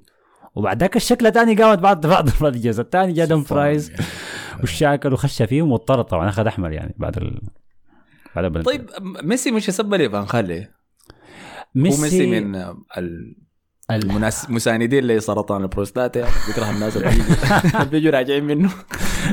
هم. مارتينيز قال هم مارتينيز قال إنه لو وصلنا قال كان قال حاجة قال نحن أنا واثق إنه وصلنا ضربات الجزاء حنكون أحسن منهم. حاجة زي كده لأنه مارتينيز سب له برضه في ال- فان خال قال أيوه لو وصلنا آه. ضربات جزاء بنغلبهم. آه أظن في ال bars بتاعته اللي قاعد يقولها دي في المقابلة دي لما سب للناس كلها ذكر الحاجة دي. فأظن ميسي كان زعلان من الحاجة دي مرة. لا هو في القصة طبعا ده جزء منها أيوه تصريحات. فأن خال لأنه ميسي قال أيوه فأن خال ما احترمنا قبل الكورة بتصريحاته. لكن في قصة أكبر من كده. هدف ميسي ذاته البلنتي لما جابوا الاحتفال بتاع خدت يدين ورا يضنينه دي احتفال بتاع أخوان ريكلمي لما كان بيلعب برشلونة وكان مدربه فأن خال. وفان خال ما كان محترم ريكلمي خالص وما كان شايف إنه اللي ينفع لاعب رقم 10 فكان بيلعبه على الجناح. بعد ذاك قال للزول ده تبيعه وفوق تذكرت. فرتك من برشلونة. ف... كان لاعب ممتاز. آي طبعا برضه بس اتخرب في برشلونة آي بالضبط. هو مسيرته انتهت في برشلونة. طبعا مشى بعدها في ريال. آه فالأرجنتينيين شامين فان خال من يومه هي الفكرة هنا يعني. من يوم عشان مين فنخال فقام ميسي عمل الاحتفاليه دي أول حاجة حقت الاثنين دي. عملها مش نطة قدام الدكة بتاعت بتاعت هولندا وعملها لفنخال بعد ذاك بعد الكورة بعد البلنتيات عفوا مشى لقدام فنخال وقال له أنت بتتكلم كثير بحركة اليد دي. وبعدين في, في المقابلة الصحفية برضه نبذوا تاني. عين لاحظتها شال ده زي اداؤه الوطني. لواحد من أساطير بلده قاعد يدافع عنه ضد فان خال فالقضية بقت أكبر من ميسي وفوزه هو بكأس العالم الزول ده شايل وطنه على شايل. تاريخ وشايل بس عاين شايفين العلامات ولا ما شايفينها؟ أنا أنا بعمل نفسي ما شايفها بعمل نفسي رايح؟ خلاص تمام لا لا قول لي أنا العلامات ما أعرفها ما العلامات يا ما متذكر خطبة العلامات أيوه أيوه لكن العلامات شنو يعني؟ أنه هنا يعني بال- بالحاجات الكثيره بتحصل دي في كل مباراة الزول ده ماشي إنه يجيب الكأس. حاجات تاريخية قاعد رجع لواحد من أساطير الأرجنتين اللي لعب تحت فان خال انتقم له في ما طريقه انتقم له يا مان ده, ده, ده. بس كده ده, ده النوع اللي هنا دي, دي حاجة كان مايكل جوردن بيعملها يعني. عشان يحم عشان يحفز نفسه يا مان بيخترع له حاجات كده ما حصلت ذاته يعني. نزل ده سبه لكن. في النهاية فاز فاز بال ring اللي عايزه المهم في الموضوع ده إنه ربط أداء فوزا في المباراة دي بشيء أكبر منه هو. ما قاعد يقول أنا لازم أفوز بكأس العالم لمسيرتي ولا الهدف السطحي إنه لازم أفوز بكأس العالم لمشجعين الأرجنتين بتاع لا لا. في ناس معينين في التاريخ اتظلموا في قصص عندها علاقة بكأس العالم ده فهو قاعد ينتقم لهم واحد ورا الثاني. حينتقم من مودريتش شنو. سنرى حنكتشف يا مان جاوا مننا الدوري حق 2018 في الحلقة القادمة يا مان. هم غلبوهم لا أوكي أيوة، خلاص والله ما اتذكر غلبوهم السنة اللي فاتت غلبوهم كأس العالم اللي فات 3-0 المجموعات حسي عادل كده. مارادونا بمساهماته التهديفية مساهمات بما فيها الأسيستات. وعادل باتيستوتا في أهدافه في كأس العالم. كان أكثر لاعب أرجنتيني سجل أهداف. أخي كم؟ الحكاية ما اعرف شوية بس فضل له شوية ويكتب اسمه خلاص ها بحبر من الذهب. نشوف دي نشوف. كلها العلامات أنا حديكم خطبة العلامات لكن لسه خلي النهائي يجي. أنا السنة اللي فاتت قلتها في نهائي Champions League لا لا السنة قبل اللي فاتت السنة قبل اللي فاتت تشيلسي؟ ومانشستر سيتي. آي آي صح. أنتوا ما كان أنتوا كنتوا في نهائي السنة اللي فاتت آه. فحقولها في نهائي كأس العالم ده. طيب في شيء تا... أيوه تاني كان في شنو؟ التصريحات الكثيرة. ميسي قام سب لفيخهورست. والمقابل قاعد يسأل فيه المباراه كيف وبتاع. فجأة قام ميسي سكت وقاعد يحمر لزول كده ورا الكاميرا. فالناس استغربت قاعد ميسي ماله؟ طلع إنه فيخهورست كان واقف منتظر ميسي يخلص المقابلة عشان يسلم عليه ويقول له ممكن آخذ فنيلتك فميسي اثناء ما المقابلة شغالة قال له تعال في شنو أنت النفس ظريف يا أخي النفس ظريف قال له شنو بومو؟ بونو شنو؟ بوبو بوبو يعني يا غبي يعني يا غبي يا يعني. اهبل اي في شنو أنت؟ أمشي يا حيوان وهذا قلت. تعال لي فيك هورست آه، زعل يعني. صار في شنو يا من؟ ما له زعلان مني.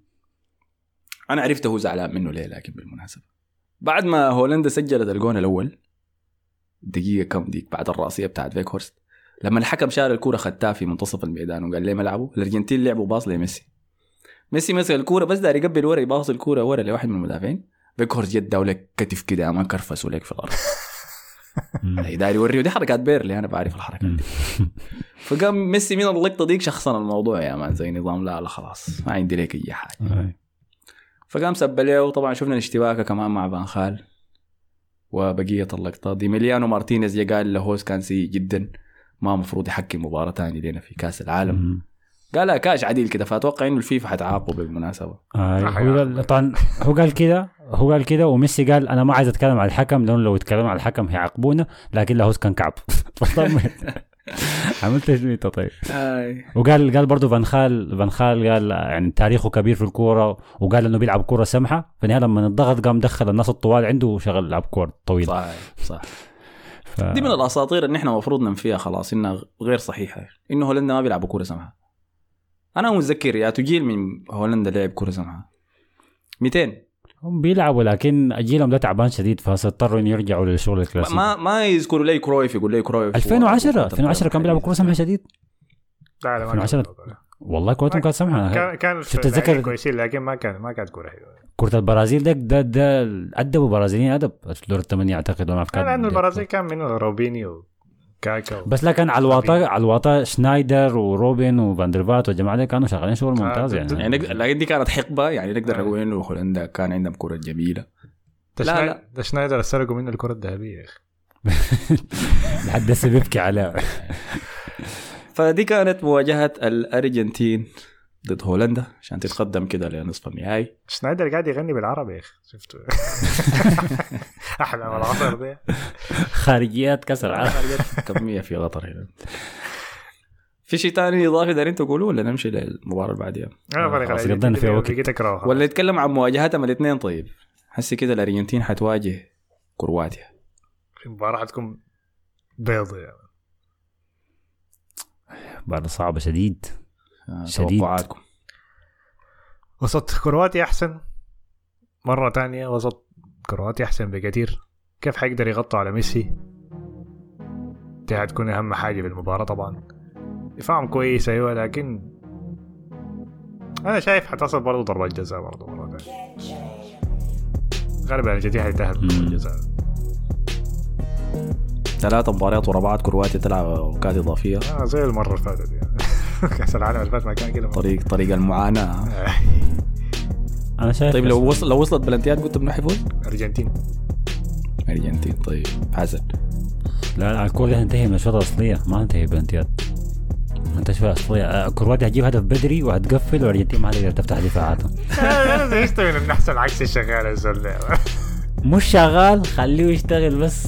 يشتغل. لا لا جد والله ده, ده توقع يعني ما تمني توقع إنه كروا... كرواتيا بالمناسبة أيوة في معلومة أنا ما قلتها على كرواتيا في المباراة اللي فاتت. آه كرواتيا الفريق الوحيد في كأس العالم لحد هسه دي لحد هسه الفاز في كرة واحدة. فاز في كرة واحدة بس. ما يعني ما آه، اللي هي قدام كندا. قدام المغرب اتعادل بلجيكا اتعادل اليابان اتعادل وفاز بالبلنتيات آه، البرازيل اتعادل وفاز بالبلنتيات الاشواط الاضافية في الاشواط الاصلية ما فازوا. فانا توقعي إنه في نص النهائي يفوزوا في الاشواط الأصلية لأول مرة. مم، زي المرة اللي فاتت ضد إنجلترا.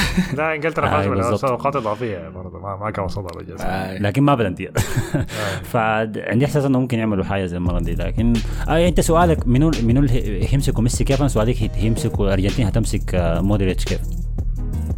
ده هي الحاجة لو ما لو خدتوا ديبول على مودريتش خلاص حق الأرجنتين راح. ديبول غبي شديد يعني بليد صراحة. دي مواجهة.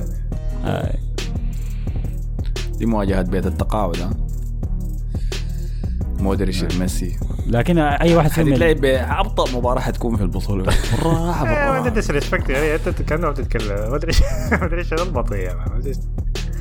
وصل اللاعبين بيفوتوا. حنشوف طيب حنشوف حسي. أم... أنت قلت شنو يا حسن؟ منو حي... حيتأهل؟ كرواتيا. كرواتيا قلت صح؟ مم.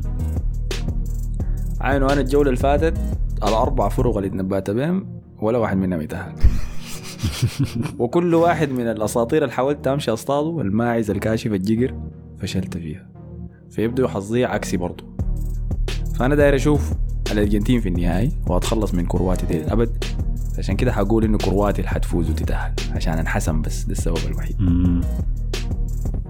طيب دي كانت المواجهة الأولى. خلينا نمشي بالجهة الثانية. ونتكلم عن أول فريق أفريقي يصل لنصف نهائي في كأس العالم دون صفقة للمغرب يا جماعة. طوالي نقول لمراسلنا المغربي. تعب مو ياسلكم والله تعبت أنا ذاتي يا man كاد بيت أنت ليه أنت ليه دائما بعد مباريات المغرب أنا بلقاك في ساحه التحرير دي ودائما ماسك شعله معاك. إحنا حنضطر نعمل GoFundMe للمحامي بتاعك اللي بنضطر نستخدمه كل مباراة. والله ضروري يا أخي محتاجين.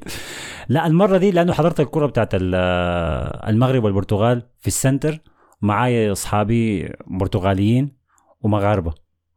فإحنا كلنا كلنا بنحضر الكرة سوا.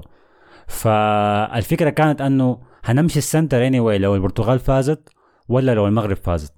هنمشي ال center البرتغاليين جايين باعلام وجاهزين وقالوا بيعرفوا ناس تانيين ماشيين دايرين يحتفلوا برضه والمغاربة نفس طبعا حكاية ثابتة يعني هيحتفلوا كده كده يعني. حتى لو البرتغال فازت ولا المغرب كلها آه حتى البرتغال فاز يمشي يردموا برتغاليين يا man دي كانت حاجة. يعني مخطط لها يعني. فعشان كده أنا في النهاية انتهيت في ال... لقيت نفسي في الساحة هناك. لكن المرة دي كانت زحمة أكتر من المرة اللي فاتت. فحضرت بس أول عشر دقائق ومرقت طوالي. ما ما قعدت. ما ما قدرت أقعد ذاته يعني. لأنه نهاية أسبوع و... وناس كثيره قاعدة في السنتر فتخرجت سريع سريع يعني. آه، طبعا فوز كان ضخم للمغرب. آه، بيقولوا إنه البرق لا يضرب نفس المكان مرتين لكن البرق ضرب نفس المكان حسي له أربع مرات في البطولة دي مع المغرب. آه. عملاق أوروبي ورا عملاق أوروبي قاعدين يقصوا الرؤوس. مستعمر ورا مستعمر. صحيح. أسوأ المستعمرين كمان. أي. بدوها من أسوأهم؟ بلجيكا. مشوا بعد ذاك لإسبانيا استجابوا البرتغال ذاتها. في مباراة برضو إحنا أنا يمكن ما إحنا الثلاثة من هو فيكم نتوقع المغرب تفوز؟ آه يتذكر هو يتذكر. دقيقة دقيقة أشوف عليك السري ما أعتقد ولا متأكد. زول. آه اظن إحنا الثلاثة قلنا إنه آه، البرتغال قلنا البرتغال هاي الثلاثة قلنا البرتغال. آه شفت كيف؟ بعد الفوز المخادع بتاع البرتغال بسداسية على سويسرا ذاك سانتوس. غشانه غشانه سانتوس يا بالكرة بتاعته. رجع لها طوالي الشوط الثاني قال أنا ما عندي أي حاجة علاقة بالتيكي تاكا رجع لك رونالدو طوالي الشوط الثاني. صحيح. كنا سجناء اللحظة. كان أداء ضخم من المغرب. مباراة ورا الثانية قاعدين يثبتوا إنهم بيتفوقوا تكتيكيا على خصومهم. المباراة دي لو كانت اتلعبت مش 120 دقيقة. إذا كان 240 دقيقة البرتغال ما كانت حتسجل جول التعادل. الكلام ده يا أحمد ما كلامك أنت بس. يعني أنا المرة دي أول مرة أتابع الكورة مع برتغاليين معاي وكان ده كلامهم كده يعني. كان في واحدة بتقول لي إنه إحنا منتخبنا كعب. ودي من بداية الكورة هي متشائمة. يعني تخيل من بداية الكورة البرتغاليين بيقولوا إحنا كعبين والم... آه، والمغرب هي تفوز. المغاربة بيقول لا إحنا اللي عملناه. لحد هسه ده إنجاز مستحيل نفوز في الكورة دي. قدام هجوم زي هجوم البرتغال مستحيل إحنا نفوز. دي كانت الحاجة ال- ال- ال- الغريبة يعني ما- المغاربه ما واثقين والبرتغاليين ذاتهم ما واثقين. فلما ما بدأ برونالدو سانتوس آه قلت أنا قلت خلاص يا هو ده, ده اللي هيحصل. كده البرتغال هتلعب كورتها الكويسة ديك وهيبدوا هجومين ويسجلوا هدف من الشوط الأول. لكن ما حصل. ما حصل خالص. طبعا شفنا الجون الأول عن طريق يوسف النصيري. في نهاية الشوط الأول دقيقة 42 بعد ارتقاء من أروع ما يكون لكرة عرضية طار فوق الجميع يا مان حلق عديل كده. ما كنت قايل الأسود تقدر تطير. لكن فعلها يوسف. الأغرب من كده إنه الهدف ده جاء من يوسف النصيري. الناس اللي بتعرف يوسف النصيري مع إشبيليا في آخر فترة له بطال شديد. بتاع يعني كعب كعب كعب لأبعد درجة ما بيسجل أهداف. فحكاية إنه يسجل هدف زي ده في كأس العالم ناطي فوق روبن دياش دي حاجة دي حاجة كويسة شديد. يا man روبن دياش راسه كان في مؤخرة يوسف يا man. آه، كان قاعد. تحت يا man كان قاعد تحت ما أعرف كان قاعد شدة ما طار يوسف.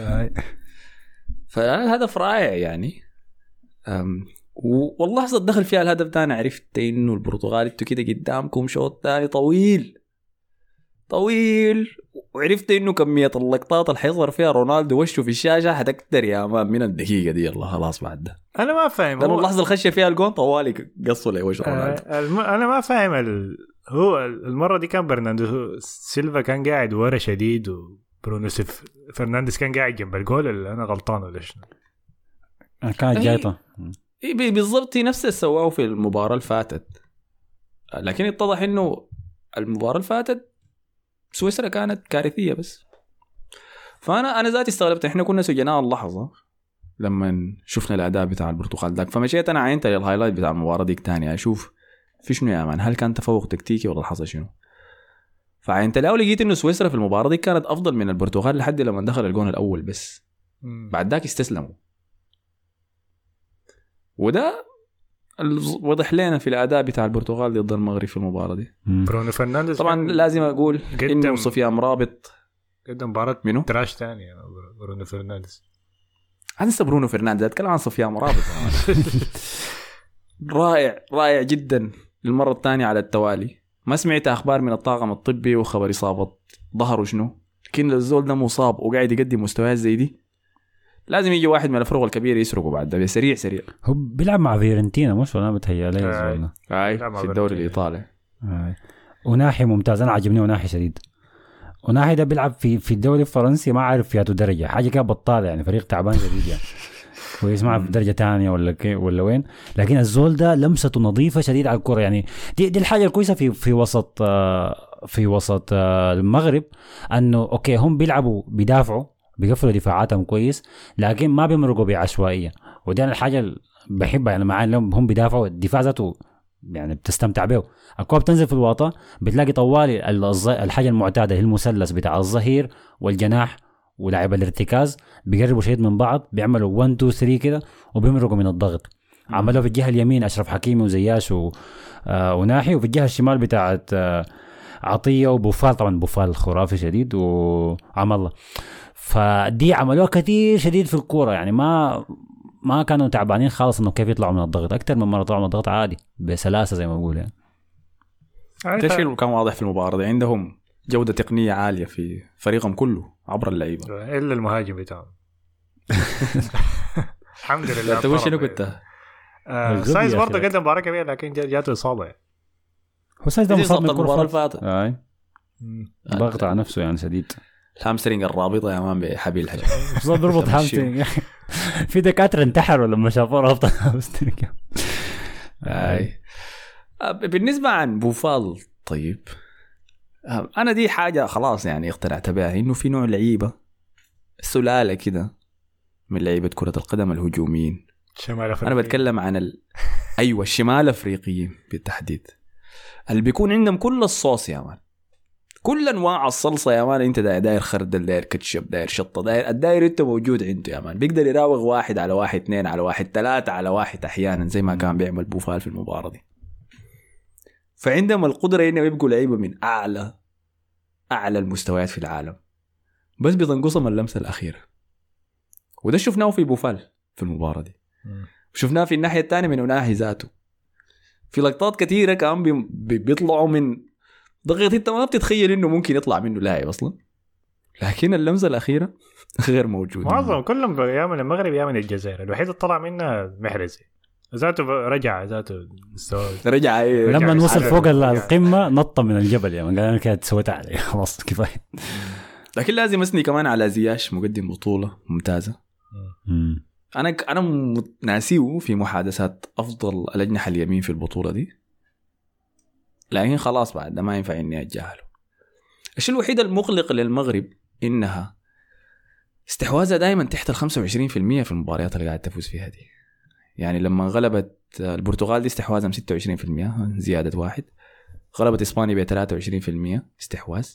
فالركراكي طلع في المؤتمر الصحفي وقال إنه دي ما معجزات اللي قاعدين نسويها ضد الفرق دي. إحنا غلبنا الفرق أعلى تقييما بالنسبة للفيفا. مباراة تلو الاخرى وما تلقينا غير هدف واحد بس.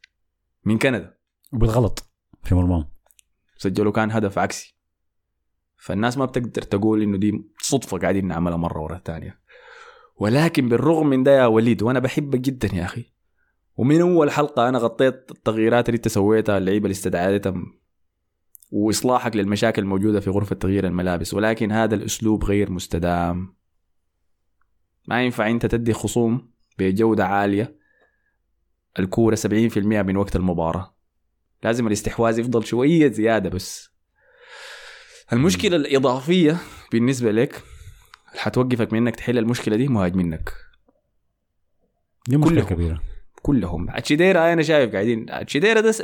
الحمد لله إنه أخذ كارت احمر اي الحمد لله. الحمد لله. إذا إذا المغرب عندها فرصة انها تعمل حاجة في الكره الجاية أنه الزول ده ما موجود في الدكة. أيوه يا مان. ممكن بالضبط. تجرب حسي أسماء تانية أنا لما الزول. لما هو جا داخل كبديل ال ال البرتغاليين معي ما عارفين هو ده منه شفت قلت لهم؟ الزول ده ممكن يخسر المغرب. رقم 21 بس عين عينكم عليه. جاته كم كورة استلم. شوتاته غلط باصاته غلط. جريته غريبة. بتحسبه برضه ما بيعرف يجري. كويس ومخلوع كده إنه هو بيلعب كأس عالم ما عارف ماله.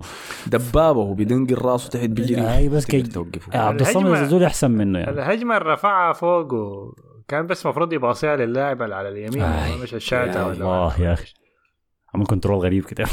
والكورة اللي بعديها المفروض يشوت فيها هو باصاها. آه، دي مشكلة شوية- المهاجمين العاطفيين اعيد واكرر لا هو ده مح- مهاجم حجر يعني ما عارف ذاته بيعمل في شنو. ف فجاء قال شو اسمع بايظة بايظة اسمع آخذ كرتين صفر في دقيقة واحدة واتخارج بس. أحسن لي الح- لي. الحكم زهق منه يا مان. الحكم قال له ما داري اشوفك يا مان عليك الله ثاني بس امسك أمسك. شيله معك يا مان يتخارج آه، الغريب إنه المغرب اتماسكت بعد الطرد. يعني أنا شفت أنا كنت واثق إنه لا يا جماعة حيفوزوا في الكورة خلاص يعني ما ما في حاجة. لكن الطرد جا قلت أوه shit. دي تاني الحاجات الصغيرة اللي بتحصل دي اللي ممكن تأثر.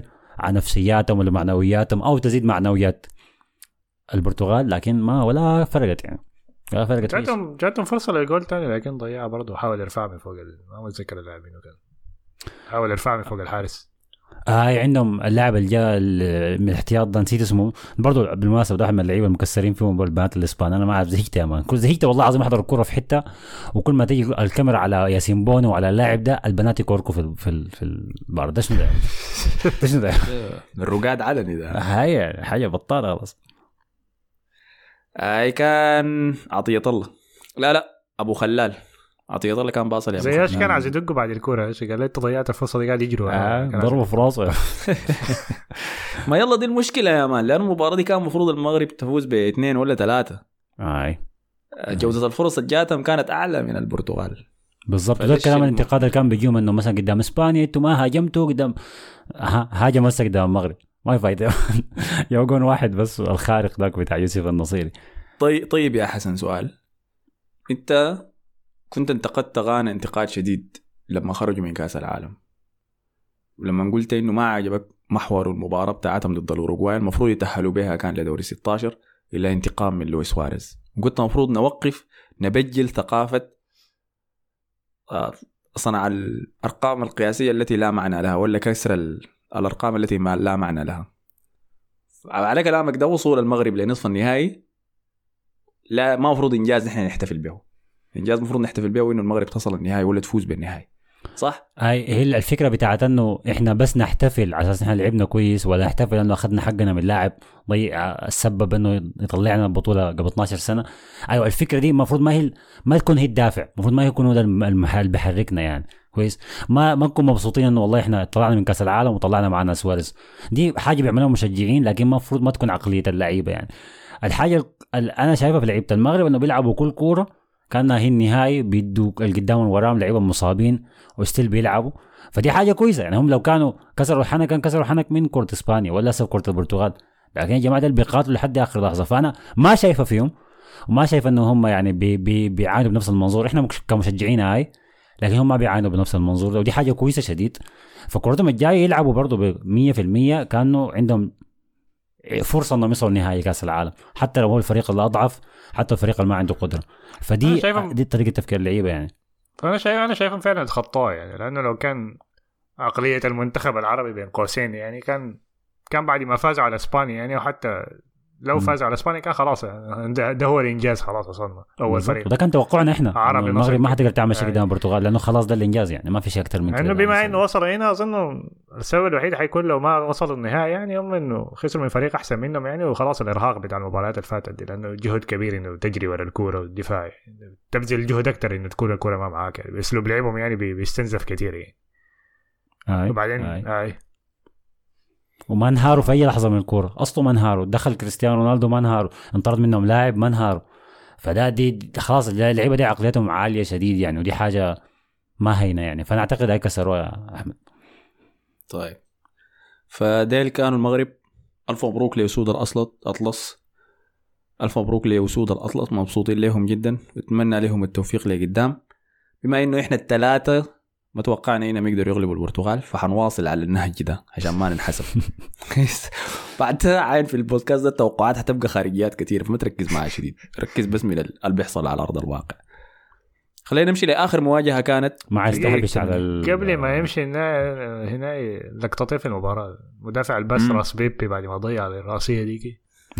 shout out له يعني. أنا متأكد بيبي كان قايل ده واحد من اللعيبه آه. ما مركز لو كان شايفه ما لأنه إذا. عرف الحصل شنو كان يا مان دي الحرب العالمية الثالثة بدت.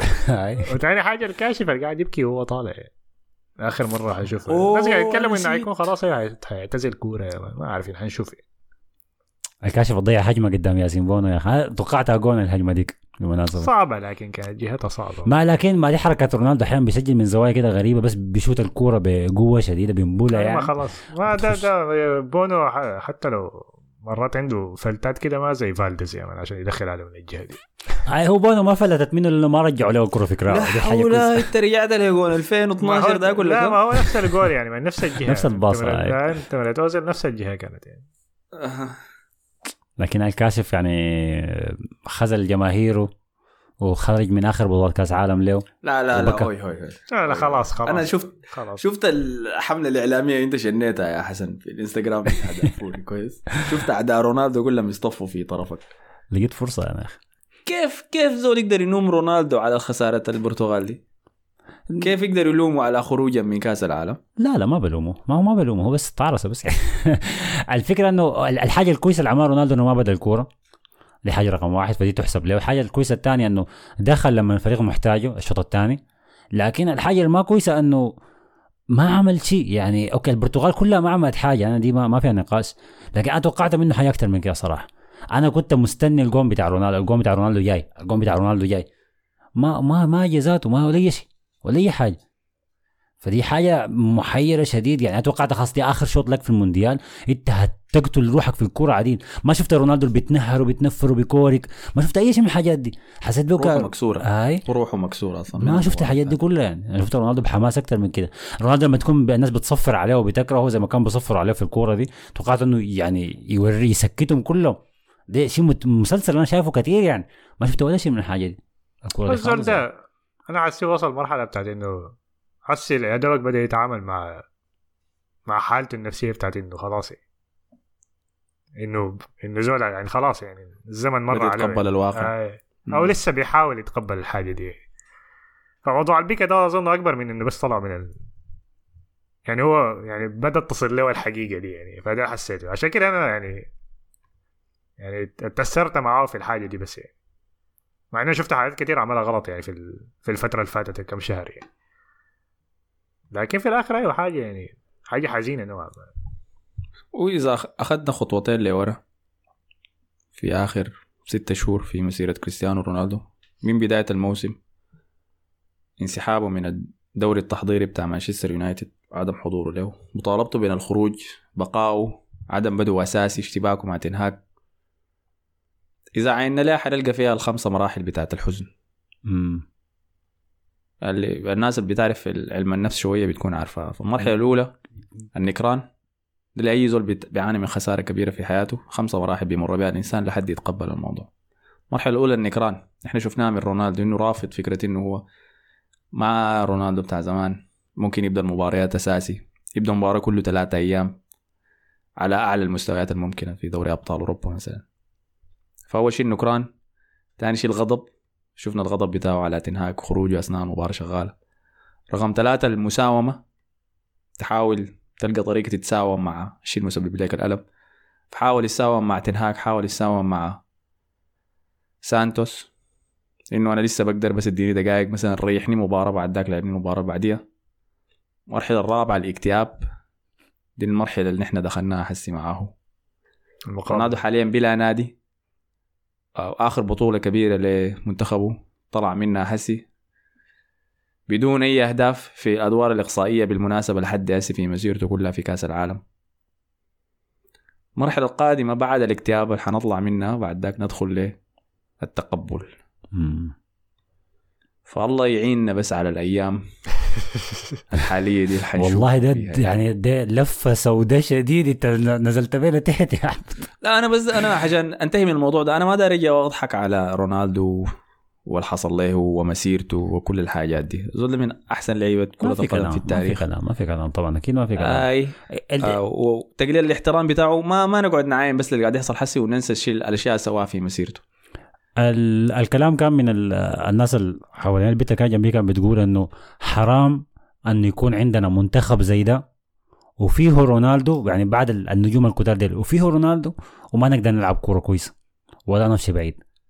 حرام عليه كده. يعني كان بيقول ده هو حرام. المجرم الحقيقي أي. المختبئ أمام عيوننا سانتوس يا يعني كان بيقول لي يقول لي يخسر اللعيبة دي لو يتلموا مع بعض كده قالوا هاي نحن هسه دي لو لعبنا برانا كويس نلعب كورة مفتوحة. ما لا بلا ساندوس بلا كلام فاضي. آه لكن برضه جابوا اليورو. يعني في أجيال كثيره ما قدرت تجيب اليورو. برضه ما- ما كان إنجاز سهل ابدا يعني. قالت لي بالحرف اليورو حظ إحنا جبنا اليورو ذاك حظ. ما خلاص بطولة في الآخر يعني. ما في حاجة اسمها حظ يعني. أنت فزت بالبطولة يعني في مش كده هو النهج اللي اختاره النهج اللي فازوا به باليورو كان القرار الصحيح هو كده للفريق ذاك الفريق ذاك كان ريمان بس يا مان ورونالدو قدام بنفهمها فريق الحسي ده بيقدر يقدم أحسن من كده كتير. آه. ولكن بي- سايقوا بنفس الطريقة يا مان. ده زي زول عنده زول عنده لامبورجيني داير يشيلها يمشي يطلع بها رملة يا مان وطعوس وما أعرف شو ده زي دكتور بيستلم لا، ده الخاطئ. ده زي دكتور جامعه بيستلم 50000 وشايل له كاميرا. من دكتور في حاله عارف والله لكن زي ده ما مصطفى. مثال حقيقي من الحياة اللي بتحصل دايما. آه، تعرف لك دكتور سايق عربية كويس؟ لا لا يا أخي. قلت شو جامعة تعرف عربية شو؟ ممتازة لكن مالك ف دي كانت مباراة البرتغال ضد المغرب. نمشي لآخر مواجهة في دوري الثمانية. اللي كانت بين القمة يا الله دي المباراة اللي كنت منتظرها. قمة فعلا. شوف. مشيت عملت بحث عشان أشوف في اللغة العربية شنو بيسموا صغير الماعز. لأنه قلت لكم في مشروع ماعز صغير حاصل أمام أعيننا أنا بتكلم عن كيليان إمبابي الفتى الذهبي بتاع فرنسا. عجل عجل شنو يا اللقب ده خبيه يا مان. اللقب ده ما بيستاهل في المباراة دي.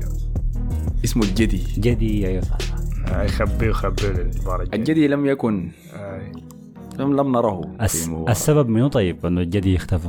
ده السؤال أسباب كثيرة مان أسباب كثيرة. أول حاجة قبل ما نخش توني كروس الناس كانت قاعدة تسب له يعني لأنه قال دي أحسن كورة في, في المونديال ده أحسن كورة ما في رايكم شنو؟ أنا شايفة دي أحسن كورة على أرض الملعب أحسن كورة تتهبش وباصات وجري احسن كوره فنية يعني. أيوه. هاي فنيا ذكرتني بكره الانديه مم، بس. بعيد عن الفعاليات يعني. صح صح. أعلى جودة أعلى جودة. آه، أعلى جودة. يعني مباراة هولندا والأرجنتين كانت شديدة لكن ما كانت متوازنة ولا قريبة من بعض. دقوا الشوارع. بس هاي كفعاليات ديك مباراة كأس عالم ودي هسه مباراة دوري أبطال أوروبا مثلا يعني باختصار. أيوة أيوة بتفق معك. بالرغم إنه فرنسا ما في أقوى حالاتها فرنسا ينقصها خمسة لعيبة أساسيين في المنتخب يا مان في مراكز مختلفة. ده ما فريق فرنسا الأول اللي جاي بطولة كأس العالم ده وده بعد ده كله عيل وصلوا لوين أنا المباراة دي داخلين عليها أنا كنت مفضل إنجلترا أنا شايف على الورق منتخب إنجلترا أفضل وكان المفروض. تفوز إنجلترا. بناء على أدائي. يلا أنا حقول عن ساوث جيت في المباراة دي طبعا مع اسمه شنو أنت سميته الجدي موضوع ال موضوع انه يوقف كيليان إمبابي ده يعني كان كان أصلا طلعت كلام قبل بعد ما تاهلوا الاثنين وعرفنا إنه حيلعبوا ضد بعض إنه ساوث جيت شغال على حاجة عنده خطة من خمسة سنوات سنتين قالوا آه. خطة خمسية. سنتين. سنتين آه، إمبابي. كيفية إيقاف إمبابي ونوعا ما نجحت يعني نسبة كبيرة في الشوط الأول نجحت تماما يعني في الشوط الثاني يعني إمبابي طلع كان حيصنع جول لكن في لاعب تاني من نادي معين كده لاعبين كلهم تراش في البطولة دي برضه ما كان عمل الصح يعني. قاعد يرخص. ف طيب. الفكرة كانت. إنه أيوه الفكرة كانت إنه ووكر حيكون قاعد معه. حيساندو يا بيلينغهام وساكا حيرجع لأنه ساكا دفاعيا كويس. ساكا اللي هو كان أحسن لاعب في المباراة لا لا في جهة آه، إمبابي كانوا هندرسون وساكا. آه لكن بيلينغهام برضه كان بي- بيمر على بيجي بالجهة ديك. يعني. طيب أكثر من مرة ساند عليه. فالثلاثة بيكون ماسكين عليه. الما ساعد على حاجة دي اسوء لاعب إذا ساكا كان أحسن لاعب في المباراة اسوء لاعب في المباراة ثيو هرنانديز ما كان بيطلع قدام لأنه خايف من ساكا. فكده الجهة دي بقت مشلولة. فكده إمبابي بقى خلاص مقطوع من العالم. والساعة وزاد الموضوع سيء انه الجهة الثانية اللي فيها كوندي وديمبيلي؟ ما كان في أي حاجة. أنت شايف الميم ديك بتاعت فيجيتا وجوجو آه، آه، جوجو بالشكل وبيقولوا let's go to في حتة امتي كان بيمشي في الجهة ديك بالشكل بيدقوا بعض. يعني. نفس الحركة. دي الكورة دي كلها المباراة كاملة كان في الجهة ديك يا كلها كل حاجة كان قاعدة هناك. يمكن ده يمكن ده كان مخطط ساوثجيت وإذا كان ده هو اللي داير يعمله. مش بيقولوا مرات المدربين بيكون عندهم مخطط لكن ما بيتطبق أي. يطبق في الورق ما بيتطبق على أرضية الميدان. فإذا كان تفكيره إنه أنا حكفي للجهة اليمين دي بتاعت امبابي وثيو هرنانديز بي ساكا وووكر وهندرسون مثلا ولا بيلينغهام يجي يساعد عشان أدي مساحة لوك شو وفودن يشرطوا كوندي وكوندي المقدم بطولة سيئة من بداية كأس العالم ده. كويس؟ وديمبيلي السكران يا man ما عارف ذاته قاعد يسوي شنو ما عارف يسوي شنو في المباراة. كان قاعد يلف سيجارة يا man. 80 دقيقة قاعد في الجناح. ديمبيلي عشان كان قبل الكورة بيحتفل مع مرته انه المغرب تأهلت يعني فهو ما مركز مع فرنسا. آه. اسمها منو ديبوج ديك قاعدين ريما يحتفلوا. ديبوجا. آه. فالجهة الشمال زي ما قال مصطفى فاتحة ما في أي شيء ما في أي نشاطات حاصلة فيها يعني صحارى بس يعني وبالجهة اليمين الناس دي قاعدة تترادم يا man إمبابي داير إمبابي سمع تصريحات ووكر طبعا. إنه أنا حقفله ما حيعمل شيء وتسرب الكلام ده يعني طلع أنت شايف انت شايف كرة المدارس لما يكون في 22 عيال ولا كم 30 واحد قاعد في في استاد في صغير نفس كل- الحتة آي، آي. آي. كلهم بيجري مش على؟ الكورة في جهة يعني. واحدة بس هناك يعني نفس الحركة اللي حصل يعني ف... فإمبابي قاعد يمردغ في ووكر بيجاي وساكا ماسك ثيو هرنانديز يشرط فيه بيجاي هندرسون قايل نفسه جناح يمين ذاته قاعد يجي يتجارى في, في الجناح. كويس. فالبلده كله حاصل في الجهه دي والجهه الشمال ما في أي شيء شغال فيها. غريزمان ذاته بيزهج من الجهة ديك بيجي يشيل الكورة من هنا. بس يحركها بغاد. يلا عاين أنا بيلينغهام برضو من الناس الخيبوا توقعاتي في المباراة. ليه؟ أنا شفته ما بطال يا. ما عمل اي حاجة. والله شفته بالعكس هو كان كان الحي أوكي ديكلان رايس كان ممتاز شديد في نص الميدان. آه شكرا لك. آه دي ما فيها لك. أنا نقاش. شايفه أحسن لاعب في المباراة كلها كان. كان؟ بعد جريزمان.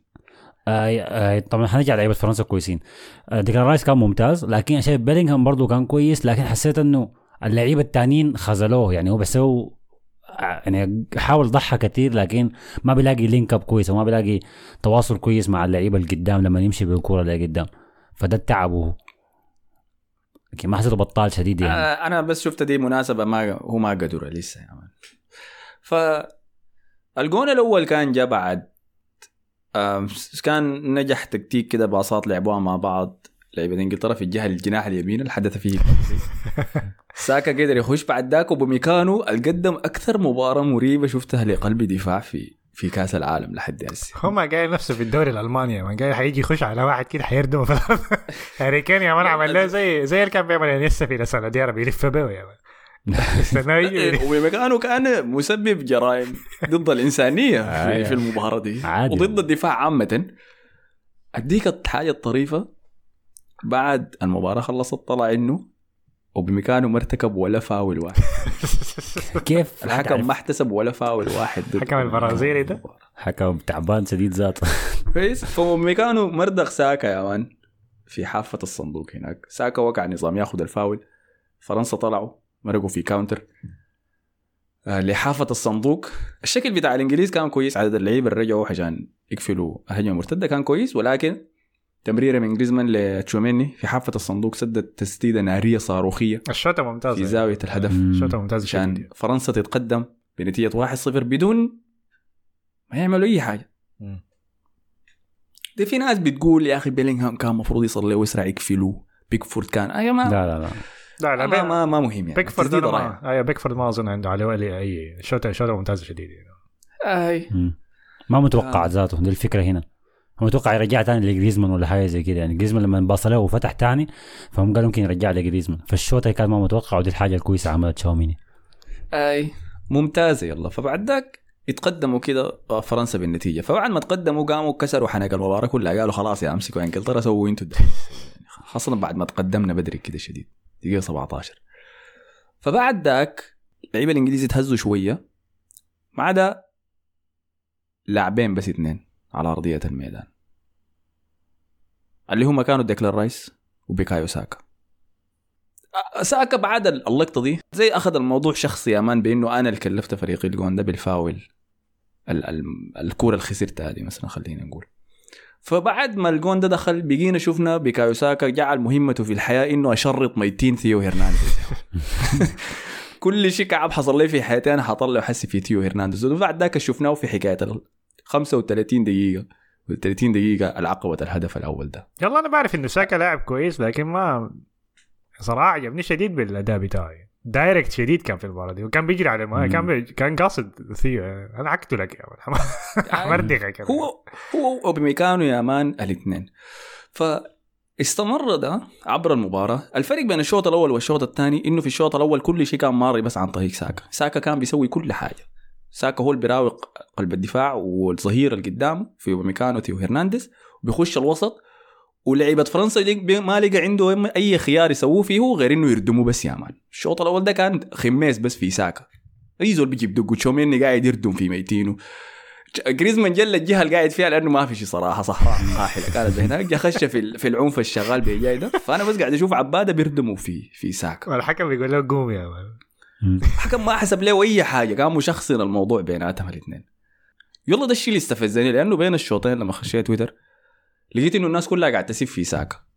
بتقول ده شنو يا زول؟ ده تعبان زول ده زبالة قاعد يخسر الكورة كتير. وا وا وا. ودي النقطة متذكرين لما كنت بخش في نقاش راشفورد ضد سانشو؟ وقلت بقول الناس بتسيب لي راشفورد لأنه راشفورد بيحاول دائما هو بيمسك. الكورة وبيحاول يصنع. حاجات لفريقه. أيوه.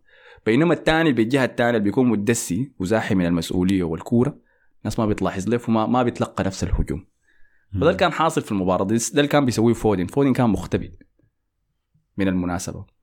بين الشوطين جاري قد مشى كورك فيهم يا man. بعد ذاك اشتغلوا الجهتين وشفنا الهيمنة التامة بعد ذاك بتاعت إنجلترا في الشوط الثاني من المباراة. ونتيجه الهيمنة دي جات نتائج سريعة يا man. لما بوكايو ساكا برضه مشى مردغ الناس اللي بالجهة اليمين دي كلها خش جوا الصندوق.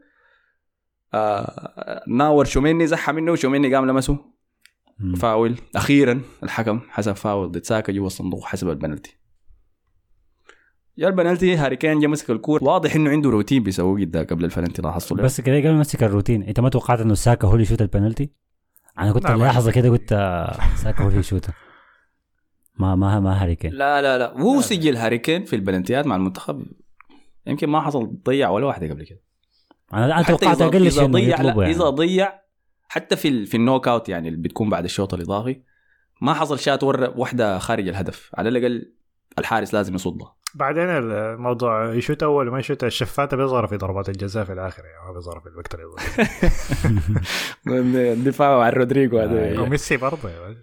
ما ما ما يهمني كثير يعني. طالما في زول مختار إنه هو اللي يشوت البلنتي خليه هو يشوتها فهاري كين جو شات البلنتي. الأول شت بلنتي ممتاز. آه، إنجلترا عادلت النتيجة وبقت واحد واحد. هنا هنا في اللحظة دي بالتحديد الأفضلية ماشية في صالح إنجلترا. فرنسا ما قادر تمسك الكره ما قادر تدافع. جاريس ساوث جيت ما عمل أي شيء الله بعدك. طلب من لعيبته يهدوا اللعب واصل على نفس الأسلوب. وديشام قاعد يعني اللي بهناك زي يشوف شنو اللي انت الشيء اللي حتبادر به عشان أنا بعد ذاك أقوم أتخذ قراراتي اللي قدام. لكن أنت ما شايف لأنه دي- عارفين ديشام مدرب متحفظ زي ساوث جيت أنت ما شايف ديشاب كان اكعب لكن في الحاجة دي. لأنه هو كان مردوم أصلا في المباراة دي وما عمل أي حاجة. ما عمل بالضبط. التعيين. المعلق بيقول له يا أخي منو كان المعلق هو قاعد يقول له طلع ديمبيلي ودخل كومان. من الدقيقة 60 يا مان من. بعد الفرصة ديك الفرصة الوحيدة اللي طلع فيها إمبابي وباصها لديمبيلي وديمبيلي لو كان استلم بس صح كانت جول. لو قاعد نقول لو ليه سنتين بعدين لكن دفقها يا مان دفقها الكورة طبيعي. انت كأس عالم المفروض, تتخلع لو لو ديمبلي استلمها صح وشاتها. ده ده الخلعه لكن لو ما. أنا والله ما اتخلعت آه ده هو ده الطبيعي يعني بتاعه. لكن, لكن ما- مرقوا بعدها ولا بفترة ممكن تكتيكيا الحاجة الوحيدة اللي ممكن ديشام عملها لاحظتها شوية يعني عشان يطلع امبابي من الحصار اللي كان قاعد فيه ده إنه ودى رابيو هناك رابيو كان بيمشي لجهته أكثر يعمل ال overlapping ثيو ما قادر يعمله عشان خايف ساكا هناك خايف ورا ما. قاعد يتحرك من منطقة جزاء فتلقى جريزمان ماشي على الجهة ديكي ورابيو طبعا عشان الجهة ديك فيها كل الفعاليات زي ما قلنا فكلهم قلبوا على الجهة ديك فدي طلعت امبابي شوية يعني ادته شوية مم. فقدر يطلع مرة مرتين يعني في في المباراة دي يعني. حتى ما جاء الجول طبعا. انت قلتها بخشمك ذاته إنه ديشامب هو برضه متحفظ. ف ساوث جيت منتظر ديشام بيسوي شيء ديشام منتظر ساوث جيت يسوي شيء. فما في ولا واحد منهم عمل أي حاجة. الأفضلية الوحيدة بتاعت ديشامب بالنسبة لي على ساوث جيت إنه ديشامب ما عنده مشكلة ينتهك المعتاد وإنه يعمل حاجات الناس ما بتفهمها لكن هو مؤمن بها. زي قرار إنه يحول جريزمان للاعب وسط عديل كده. دي الحياة اللي سواها. واحدة من الانتقادات الحالية في التشكيلة اللي دخل بها جاري ساوث قبل المباراة دي هندرسون. يعني واضح إنه لعيبة آه، وسط إنجلترا الثلاثة ديل بيشبهوا بعض كثير شديد. فعلى الأقل واحد منهم لازم يكون هو هجومي أكثر عندنا ميسن ماونت وكان بدا البطولة بميسن ماونت. ميسن ماونت سيء. ما هذا خلاص إحنا اقتنعنا بالحياة دي ليه ما يعمل حركة زي ديشامب إنه يشيل واحد من اللعيبة الهجوميين أكثر ويخته في الوسط؟ عنده لاعب مثالي زي ما ديشامب عنده جريزمان عنده لاعب في جاك جريليش موجود في دكة الميدان. فودن بيقدر. يلعب في وسط الميدان. ممكن برضو قرار تاني. يرجع إنه هاري. راشفورد في الجناح وفودن. فودن بتفهمها إنه بدل المباراه فاتت لعب كويس خلاص زيت ما ما تغير حاجة شغالة. لكن عندها خيارات أخرى. ما تمشي مم. للقديم والمعتاد وهندرسون ده خلاص يعني المفروض يتقاعد بعد ذاته. فدي نقطة الانتقاد. مم. فرنسا بعد ذاك لقت لها شوية هوا. ما ابتكروا فرص كثيرة لكن جام حكاية خمسة دقائق كده كويسة. قدروا يسجلوا عنا الهدف الثاني عن طريقة رأسية لأوليفير جيرود الرجل المنسي يا جماعة. ممتاز ممتاز ممتاز. اختفي جرب المباراة ممتاز ده المطلوب من اللاعب رقم تسعة إنه يكون موجود في اللحظات المهمة دي. هو قبل الهدف اللي أنت بتقول عليه يا أحمد. كان عمل كورة كده تص... كان تصدي ممتاز شديد من بيكفورد. عند المفروض جون يعني. آه، عم دفقها برجله وبيكفورد طلعها مشت الركنية. فاللحظة دي كان- يا أخي دي, دي لحظات اوليفي جيرود. الركنية زي جاب منها جون. ف لاعب كبير شديد ما لاعب بشكل ما أنسى غياب آه، كريم بنزيما على المنتخب. ودي حاجة ما هينة يعني نفس اللاعب ده كان موجود في كأس العالم اللي فات كان عنده تأثير تكتيكي لكن ما جاب ولا جون. المرة دي عنده أكثر من هدف في البطولة وهدف زي ده حاسم في كورة زي دي بيخليه فعلا لاعب رقم جاب الجول على مهم. جاب الجول على منو؟ على ماجواير. يعني. على قد مباراة كويسة صراحة. ما- ما- آه آه مم. ما كان بطل. قدم بطولة كويسة ماجواير. ما كان بطل. فبعد الجول ده يا مان خلاص الناس احتفالات كورة لعبت لفوق في غير نادي بدون أي سبب يعني بيثمات قال يا اديه دفرة في ظهره كده وأخلص الموضوع ده مان. قاعد نفسه قاعد هناك بيلعب ضد ساسولو ولا ما أعرف إيه. ما هو زعلان من ال من ال من ال شغل ساكا فيه والكرة كلها قاعد ادق أدق ده بس. واضحة شديد الحركة يعني كانت غلطة دفاعية شيء شديد من الحكم أصلا رفض أول شيء إنه يدوها لهم كبنالتي لولا ضغط لعيبة إنجلترا ما عليه. لأنه قال ده شنو مستحيل يكون المد- المدافع ده غبي كده. يعمل حركة زي. بالضبط أي بالضبط فدفروا في ظهره اللعيبة إنجلترا ضغطوا عليه ومشى شيكه في الفار طلع إنها بنالتي فعلا جمنح عليهم عشان يجي هاري كين ويسددها عاين إنك تشوت بلنتين في نفس المباراة دي. مم. دي حاجة صعبة أنا بتفهمها فهاري كين جا مسك الكورة عشان يسددها ضد لوريس. لوريس قام اداه وطية التمساح يا مان. بقى يا مان نازل كده وقاعد يعمل له عارفك معي لك بالتدريبات أنا هتشوت مم. إيه أنا عارفه كنت عارفني اراه يا مان بيه وين. فهاري كين عمل نفس الروتين بتاعه اللي بيسويه قبل البنالتي رفع شراباته للركبة دق الأرض عاين فوق للوريس وبعد ذاك شات الكورة من استاد البيت في الخور ونزلها هنا في حوش بيتنا يا مان في أبو حامد بنتي بطال شديد. أنا اخر طايرة. آه. الناس قاعد يقولوا إنه لما تشوت الكورة عالية في النص احتمالية إنها تخش أكتر يعني أكبر يعني. لما تشوتها عالية. هي لكن أنها تضيع بشكل زي ده. هي دي كانت الحاجة ال- ال- الصادمة. يعني لو مشت بس فوق العارضه ولا بأي طريقة لكن تمشي بعيدة للدرجة دي دي كانت حاجة يعني ضربة قوية شديد لهاري كين وإنجلترا كلها يعني. آخر مرة واحد شوت شافها شاتها كده كان راموس يعني ضد بايرن ميونخ. لح- لحد هسه ماسكين عليه ومن يوم ما بدأ يعمل البانينكا ممكن تشوفها طايرة حسي في سماء لحد هسه. من يوم ما راموس بقى يشوت بلنتيات كويس شديد يا. من اليوم ذاك. آه. آي. فأوريك شيء حصل. بعد جون جيرود وما في أي زول لاحظ له. إنه أول لما فرنسا جابت الجون الثاني جاريث ساوث جيت مرق بوكايو ساكا. ودخل مكانه رحيم ستيرلينج رحيم ستيرلينج اللي هو أصلا أسبوع خارج معسكر التدريبات عشان منزله في إنجلترا هناك يتعرض لعملية سرقة. أنا داير اهفش بس على النقطة دي سريع كده شوية. عائلة رحيم ستيرلينج المباشرة اللي هي مرته وشفعه ديل موجودين هنا في قطر في معسكر العائلات بتاعت اللعيبة. أفراد عائلته البعيدين في عماته واقربائه النسب ديل هم اللي قاعدين حارسين له البيت هناك في إنجلترا. فديك اللي تعرضوا لعمليه السرقة. أو هم السبب ودخلوا دخلوا لصوص جوا البيت معاه أسلحة. خوفوهم سرقوا الحاجات ومشوا ما في زول جاوي يجي ما في زول أصيب. كل الحاجات دي. الكلام ده طلع من الصحافة تسرب يعني. رحيم ستيرلينج لما سمع الخبر ده قام طوالي قام وسافر مشى إنجلترا هناك. عندكم رأي في الموضوع ده؟ أنتم شايفين ده تصرف منطقي؟ أنا شايف تصرف منطقي ولا زي أنتم شايفين انه دي مبالغة منه؟ لا لا ما مبالغة. انت لما يكون عندك ممتلكات مهمة شديد ولا بيتك ذاته ما فيه زول وانت ممسكه لناس أساسا شكله الناس دي ما ضامن والسرقت السرقت حياة مهمة سرقت ساعات وما عارف مجوهرات. لا. شكله عشان حاجة مسلحة عشان كده مش يتاكد إن الناس كلها كويسة وكده لو بتكشع مش على بيته ما عنده شغلة بالقرايب ما تعرف إن يعني إحنا أنتوا كنت أنتوا لو كنتوا مكانه كنتوا حتعملوا نفس الشيء نحن. العالم بكلام فاضي يا مان دي حياتي دي حاجات أهم يعني هو أساسا ما لاعب أساسي يعني.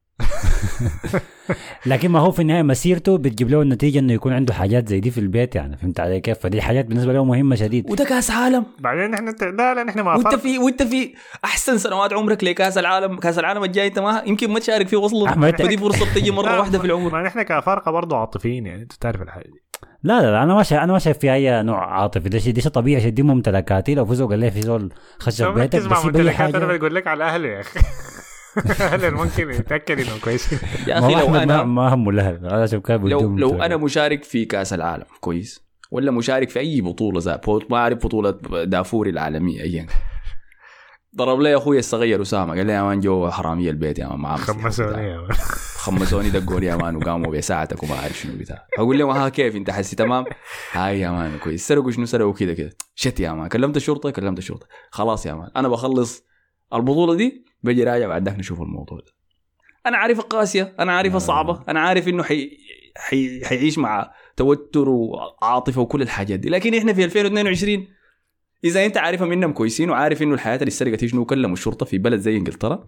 FaceTime بس يا man. واتساب call يا man أنت ما ما- عارف إنه هو طمنه كده. يا man. ممكن خالد ده كمان دراما دراما دراما شوية آه، كانت Jamaican كمان يا man آه، يا أخي مش كان في لاعب أفريقي؟ ما متذكره كان منو يا أخي؟ كان لعب مباراة كده مهمة لموطنه. وقبل المباراة بيوم كان اكتشف إنه أبوه خطفوه ولا حاجة. والخطفوه دايرين فيه. بيكون- متذكرين قصة اللاعب ده؟ ده بيكونوا في أمريكا ولا برازيل بتحصل حاجة لا لا يا أخي. كان لاعب لاعب كبير بالمناسبة وكان شارك يمكن في كأس العالم ولا دوري أبطال أوروبا في مباراة كبيرة. لعبها واحد من أهله كانوا اختطفوه يا man ودايرين ال- الناس اللي اختطفوه فدية منه وبعد ده كله مش لعب المباراة. كان واحد من ما لعيبه عنده تشيلسي موضوع السود بس يا. مان ما عنده موضوع. كويس؟ يصير. لا أنا بوريك إنه شنو؟ دي من الحاجات اللي بتفرق اللعيبة اللي في القمة القمة القمة. واللعيبة ال- اللي بس كده يا man بي ده الشغل بتاع أنا أنا شايف إنه تصرفه ما غلط كويس لكن الغلط إنه بعد ده يرجع كأس العالم تاني ويرجع لمعسكر المنتخب. لا الغلط إنه. المدرب يدخله يا man أي. ما طبعا ده, ده غلط أكبر. أنت خلاص أمشي إنجلترا ما تجي تاني راجع. بس خلاص نعم. وبعدين يلا عيني أنا لو أنا لو مدرب أنا لو مدرب ستيرلينج قال لي عيني يا man حصل كده كده. أنا داير أسافر أمشي لعائلتي وبعد ذاك حجي راجع. بقول له عيني يا man أنا حزنان لك وبتفهم كل شيء و- ولو كل بعد اللي حصل لك ده أنت إذا الموضوع هازيك للدرجة دي سافر وما تجي راجع man بس هاي. أنا ما حزعل أنا ما حزعل أنا ما طاردك ولا شيء لكن انت نفسيا خلاص بعد ده برا الأجواء وخليت الموضوع ده يهزمك فأمشي وما تجي راجع لا هو يهزم وما يهزم دي حاجة راجعة له لكن إنه يرجع المفروض ما المفروض ما يسمح له إنه يرجع المنتخب تاني هو خلاص ما هيكون حتى عنده الإمكانية إنه يلعب كويس وكمان تيجي تدخله في كورة زي دي آه، شكراً جزيلاً. في كبديل آه، هو دي هو آخر. حاجة هو موضوع هو موضوع إنه يدخله ده غلط يعني بعد ده. غلط غلط نحن كلنا متفقين فيها غلط بتاع ما. غلط يعني فعلى أي حال ساوث جيت مرق بكايو ساكا أحسن لاعب في المباراة دخل مكان رحيم ستيرلينج تبديل سيء جدا دخل رحيم ستيرلينج قبل ما يدخل راشفورد. راشفورد اللي قاعد معاه في البطولة. وبينافس على بقعة أساسية. وبيسجل في كل مباراة يدخل فيها يجي يخش رحيم ستيرلينج. ما. توقعت تبديل راشفورد أول حاجة. كان كان ده كان المفروض يعني. طلع فودن دخل راشفورد خلي ساكا. طلع واحد من لعيبة اللي بتشابه ديل دخل لاعب تاني هجومي. خلاص. طلع ساكا دخل ستيرلينج. طلع هندرسون ودخل ماونت مكانه. برضه تاني. شفت ده الثيم المتكرر. عنده لعيبة بيتكيف لهم من زمان. زي مشكلة سانتوس مصر. مصر عليهم حسي مع انه مو بقدم وشو دخل ماونت. قبل ما يدخل جريليش. ف... ماديسون شفناه المهم- بالغلط يا man. الكاميرا جات يا man شفناه. الغرقان يا. كان مخبيه بوين عشان الكاميرا ذاتها ما تشوف بعد ذاك الدقيقة 98 بعد ما فضل دقيقتين بس مرق واحد من المدافعين جون ستونز ودخل جاك جريليش مكانه. وخلاص خرجت إنجلترا. انت عارف في ضد فريق متواضع جدا. في فريق فرنسا ده المعز أحسن فرصة لهم في تاريخهم بجوده التشكيلة الداخلين بها إنهم يمشوا ويفوزوا بكأس العالم عديل كده. آه، شايف لو غلبوا فرنسا كنت حخدها المرشحين الأول للفوز بكأس العالم. هو كان هو ولكن خذلهم. مدربهم وده دي الحاله المفروض نتذكر كلها. ما تركزوا لي على البنالتي ضيعها هاري كين. ما تقول لي آه، لو كان سجلها كان حيفوزوا كل الكلام الفايض ده ساوث جيت ما بيعرف يكون مبادر ابدا. ابدا. في كتاب اسمه العادات السبع للأشخاص الأكثر فعاليه عارف إنه؟ آه، ده ساوث جيت حرقوا. اشتروه وحرقوا بس. بالضبط. ده هو بي- بيكرهها يا مان. لأنه القاعدة الأولى للأشخاص الأكثر فعاليه إنك تكون مبادر. القاعدة رقم واحد في الكتاب ده. كن مبادرا. معظم يكون معظم. مدربين. المنتخبات ما مبادرين. أصلا كلهم متحفظين يعني. معظمهم يعني. 99% أنا أقول إنه. انت انت عارف الكورة دي الاكس جي أو الفرص المحققة للتسجيل للمنتخب الإنجليزي 2.59 كويس؟ والمنتخب فرنسا 1.32 وبعدها فرنسا هي اللي فازت وإنجلترا هي اللي طلعت. أوريك الاكس جي بتاع كيليان إمبابي في المباراة دي كان كم؟ minus. ثلاثة. ماينس ثلاثة. يا هاي عمل الحاجة الصعبة عمل حاجة صعبة وقف إمبابي. لكن نسى جريزمان ونسى جريزمان طبعا ما شاء الله تبارك الله يعني لاعب ما طبيعي يعني ما طبيعي لكن ما أهم. حاجة كانت امبابي يعني أنا ما بيهمني عاين ما بيهمني صراحة أنا أنا, بس مبسوط بكره بالعكس. القرارات الغبية أنا مبسوط بكره بالعكس. القرارات الغبية أنا أنا مستثمر في بكايو ساكا بكايو ساكا عمل عليهم ناس مبسوط خلاص دي حاجة.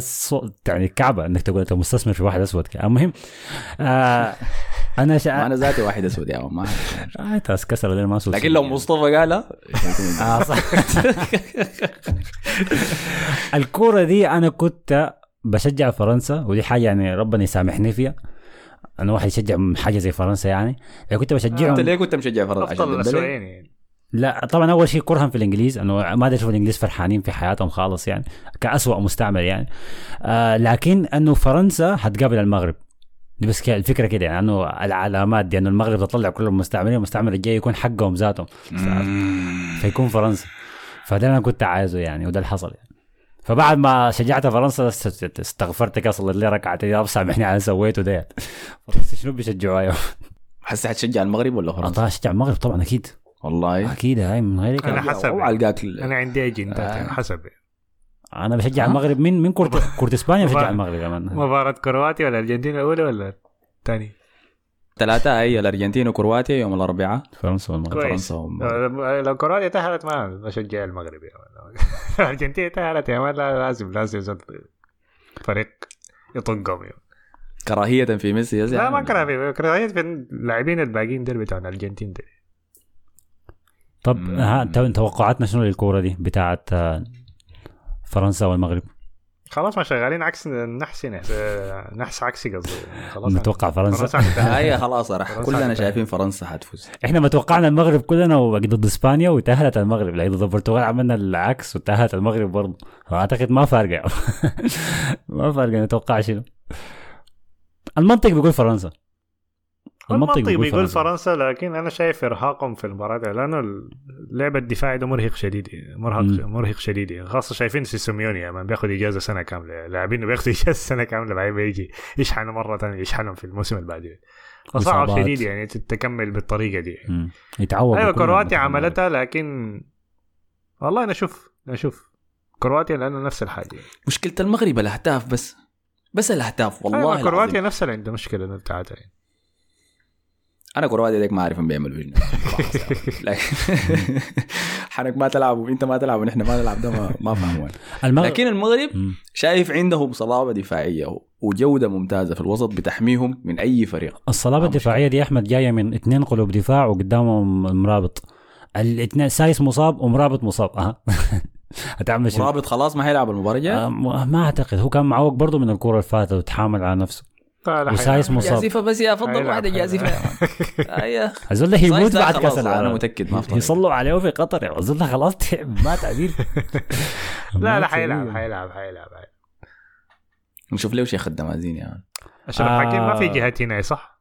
آه، أشرف حكيمي ده في جهة مبابي لأنه هو ظهير يا يمين زول. ومبابي جناح شمال هاي نايس نايس ممتاز ممتاز دي مقابلة حتكون سمحه حتكون معركة ممتازة شديدة يعني. ها توقعاتكم طيب ادوني توقعات ب- بدون انحياز يعني. فرنسا. حيادين حسن. فرنسا. المغرب يا ما أدري. يلا على الأقل واحد منهم يطلع صح الحلقة الجاية. هاي هاي. طيب فخلاص دي كانت كل المواجهات. تفضل مباراتين بس ده نصف النهائي. كأس عالم رائع جدا. من أروع ما يكون. أرسنال لعب مباراة ودية. إحنا خضم كل ما يحدث ده. شكله حنعمل مباراة أنا ومباراه قال حلقة أنا وحسام بعد ذاك. لا لا يا يخلص. بعد يخلص كأس العالم. نهبش كل الحاصل وراء الكواليس في أرسنال. ننفض ننفض التراب من الفانتسي. يا مان كده نشوف لما نخلص كأس العالم. يا أخي والله ما عايز صورة يا. مان هو قاعد يتدرب قال قلت بي باك شكله يا مان حيجي راشي الحكاية بتاعت 10 أجوال في مباراتين. زعل بس يلا. أنا ده ال- المزعلني يا أخي إنه لعيبة السيتي كلهم رجعوا بدون إصابة. وإحنا لكنا الاصابه يعني. آي آه والله كأس عالم سمح لحد هسه. يعني دور ثمانية برضه ما خيب الظن. فباقي نص نهائي وباقي النهائي. وبرضه ما ننسى باقي مباراة الثالث والرابع اللي هي لحد هسه أنا ما أعرف ليه بيعملوا الكرة دي يعني. عشان تقليل المداري احترام والله هاي ما مهمة خالص. لكن أوكي. في شيء ثاني نسيناه؟ في اي تهبشوا عليها ده أول نص نهائي يكون فيه فريقين من أوروبا فريق من أفريقيا وفريق من أمريكا الجنوبية. فالمغرب عملت balance كويس. أنت ما حاسب فرنسا فريق أفريقي يعني؟ آه هو والله. لا لا لا ما بحاسبه خالص فريق أفريقي زي جريزمان. جريزمان ذاته يعتبر عنده عنده الان وورد باس قالوا انه من أصول مغربية صح ولا حاجة زي دي؟ ما جريزمان؟ بيكون يعني. ما آه، سمعت زي ممكن. ممكن. فعلى النقطة دي كانت تغطيتنا لمواجهات نصف النهائي. اكتبوا لنا كالعادة توقعاتكم في التعليقات بتاعت الحلقة دي. تعليق واحد بس أنا أكتب منو حيفوز. آه وصلحوا أموركم. آه، الحلقة اللي فاتت ما بزول جاب ولا توقع واحد. خذلتونا والله. آه وينو نصر ذاك يا أخي؟ تعال تعال. هو قال أنا كجيته بالمناسبة. كل التوفيق للمغرب يا أخي. ولكرواتيا برضه نهائي بين المغرب وكرواتيا ده يكون لا حول. ما كرواتيا لا, لا. بلنتيات كلها حيضيعها يا قول بسم الله محمد محمد نصر الله قال لي المرة دي حتكسر حظي يا أحمد لأنك قلت عراف. صحيح لأنه توقعاته كلها غلط. يا فعلا. آه والله آه، حامد قال أتفق معاكم زحوا صوت البدي عليكم الله. وي كل ما تقول. زحا حنخد حنخد زيادة. حنخد خد في نص الحلقة المرة دي. أنت داير صوت راجل يعني يا حامد. أنا ما قلت حياة حركات. مجتمع الميم والحياة دي نكسر آه. عليك نقطة ظريفة أيوه كل المنتخبات اللي كانت داير تلبس الشارة اليد بتاعت المثليين دي طلعوا من كأس العالم. الله زمانك اكبر طلع يا الدنمارك ده زمانك طلعتوا مع آخر واحدة كانت آه، آه. إنجلترا وخلاص. هسه يفتح الموضوع مرة ثانية. بس هيركزوا في وقت ثاني آه. لا يشيلوا معاهم بعد. يشيلوا معاهم شو يسووا. دايرينه في بلدكم. عبد الرحمن زكريا قال في زول شايف برونو ده مسيلمة الكذاب. شنو بالتحديد؟ شفت شفت برونو لما عايز يحاكي الحركة بتاعت هولندا في الباص الأخير في ال- الفاول؟ آه يا يا شفتها والله قعدت أضحك. والله توقعتها أنا توقعت قعدت عاين فيه كده وهو عاين لزول غمز له. ده داير يعيد الحركة بتاعته امبارح. الفتنة اللي بدأتها هولندا دي زي الفتنة بتاعت النط بتاعت البلنتيات حق جورجينيو. بتنتشر كده آي. فجأة. هسه دي هتنتشر تاني برضه يا man. برونو مفلس مفلس. الزول ده كان عنده فرصة كان فرصة ذهبية صراحة في. حافة الصندوق. شاطها ضيعها برا. قاعد يسيب سب آه. وجرف لينتو كده و... أنا قاعد تقول يعني انت أنت قاعد تخدع منه بالكلام ده كأنه أنت كله تسديداتك بتحشر جون فلما تضيع واحدة بتزعل للدرجة دي ده المعتاد بتاعك آه، كراسات زعلان كلها؟ غلط man عنده شوية واحدة في العارضة كويسة لكن ده غير كده ما فيش ثاني. عمرو إبراهيم قال في مواجهة هولندا ضد الأرجنتين قال هولندا بس يا man ده كأس العالم لل- للرجال كانت كرة رجال بالجد يا man. كانت كاتر الرجال ما في نقاش يعني. أحمد مسبال قال المشاكل البسيطة دي سببها إنه مانعين الخندريس لأنه مخيلة البتاع ده كعب هو بيتكلم عن اشتباكات المشجعين في مباراة إسبانيا والمغرب دي كانت خندريس بالمناسبة- والشراب طبعا آه، بالمناسبة يا أخي. تكلمنا عن حاجة دي إنه آه، عشان نسبة الكحول في المباريات ما حصل في أمان أكتر للنساء إنه يتفرجوا الكورة يا man للكل بس ما للنساء يا man. الناس كلها بتكون كويسة. أكتر حاجة أكتر شيء ببوظ. يعني طبعا الغرب ما داري يتكلم عن الحاجة دي لكن خلينا نغطيها لما الكأس العالم يخلص اللي هو اللي بيحصل شنو هنا في نهائيات مثلا Champions League والبلاوي اللي بتحصل قبل وبعد الكورة. وهسه شوف كأس العالم كيف هادي ورايق ومرتب. الناس السكرانه هنا بتبوظ كل شيء يعني. لكن ما بيجيبوا ما بيغطوا لك إنه دي عملوا كده. وسووا مم. متذكرين اللقطات اللي كانت بتطلع من الشوارع؟ في نهائي اليورو. متذكرين؟ أي أي. متذكرين بعد خسرت إنجلترا المشجعين طلعوا وسووا شنو؟ في بلدهم ذاتها ها؟ حوالين. ويمبلي استادهم ذاتهم. ولا في كأس العالم حق 2018 روسيا. ولا. في كل البطولات ولا في مجموعات اليورو مثلا اللي أنا كانت مقامة في بلدان مختلفة. بنشوف لقطات التدمير والتخريب واللي بيتحصل شفتوا لقطة واحدة زي دي من قطر؟ غير المشجع بتاع المكسيك الضرب مشجع الارجنتين جوا الملعب ما في حاجة ثانية هذيك ما فعاليات يا man. هذيك داخل الاستاد. لكن ما في حاجة زي دي ما خلص هاي. شيء ممتاز تنظيم ممتاز أمني رائع. وحاجة دي صراحة في كل بلدان الخليج موجودة إنه الأمن انت عارف الأمن ليه يستتب كمان زيادة في كأس العالم؟ لأنه الأرجنتين ما هتقابل البرازيل. لو كانوا يتلاقوا في نص النهائي كان في نوعيه مشجعين كده معينة هتجي من بلدانهم يا man؟ كنت تشوف حاجات يا ريت يا دي حاجة والله دي كانت حاجة حزينة والله. آه، طبعاً حاجة, ما حاجة ما حصلت بتحصل يعني. كثير أصلا. أيوة، حاجة حزينة شديد دي. مواجهه أرجنتين وبرازيل كأس العالم. بيلي يا man في غرفة الانعاش قاعد يتفرج. أوه. كانت يشوف شكلها نيمار داير. يحاول يحصل رقمه. يعني كان طلع عليهم كده هنا إنه لو فازت البرازيل حيرجع للحياة لو لو خسر حيموت يعني. يفصلوا أسلاك طوال. الله يجازيك يا مودريتش ساجي قال يا شباب والله الصراحة كده بقيت انتظر المباريات عشان نسمعكم. أحلى حاجة. مم. شكرا لك يا ساجي. تاني منو قال؟ Top Line قال المغرب لو وصلت الأشواط الإضافية وضربة الجزاء بتفوز على البرتغال. لكن لو في التشكيلة الأساسية كريستيانو حيطيروا طوالي. فشلت يا Top Line. الكلام ده كله غلط يعني. بس تقريبا تاني ما في شيء. الباقي كله توقعات الغلط فما أقدر احرجكم عشان أقولها واضح كده قدامكم. منصور قال لي ميسي الله يكرمك. عين وأنا برضو جدعت 50 تاني في ميسي في الحلقة دي. داير أشوف الخمسينات في التعليقات. والتعليق جه قبل شوية من والله عبالي أنت عامل إفكتات عجيبة في اسمك ما قادر اقراه لكن قال دافوري يا مكنة. شكرا لك أنت يا مكنة فعلى النقطة دي كده غطينا كل شيء نشوفكم بعد في حلقة النهائي يا أخ اللي حتطلع بعد مواجهة نصف النهائي. شكرا لكم على حسن استماعكم. شكرا لك يا مصطفى. شكرا لكم. شكرا لك يا حسن. العفو وان شاء الله اكون في ساحة التحرير المرة الثالثة. إن شاء الله يا أخي بعد فوز المغرب على فرنسا. شوفكم في الحلقة الجاية. السلام عليكم.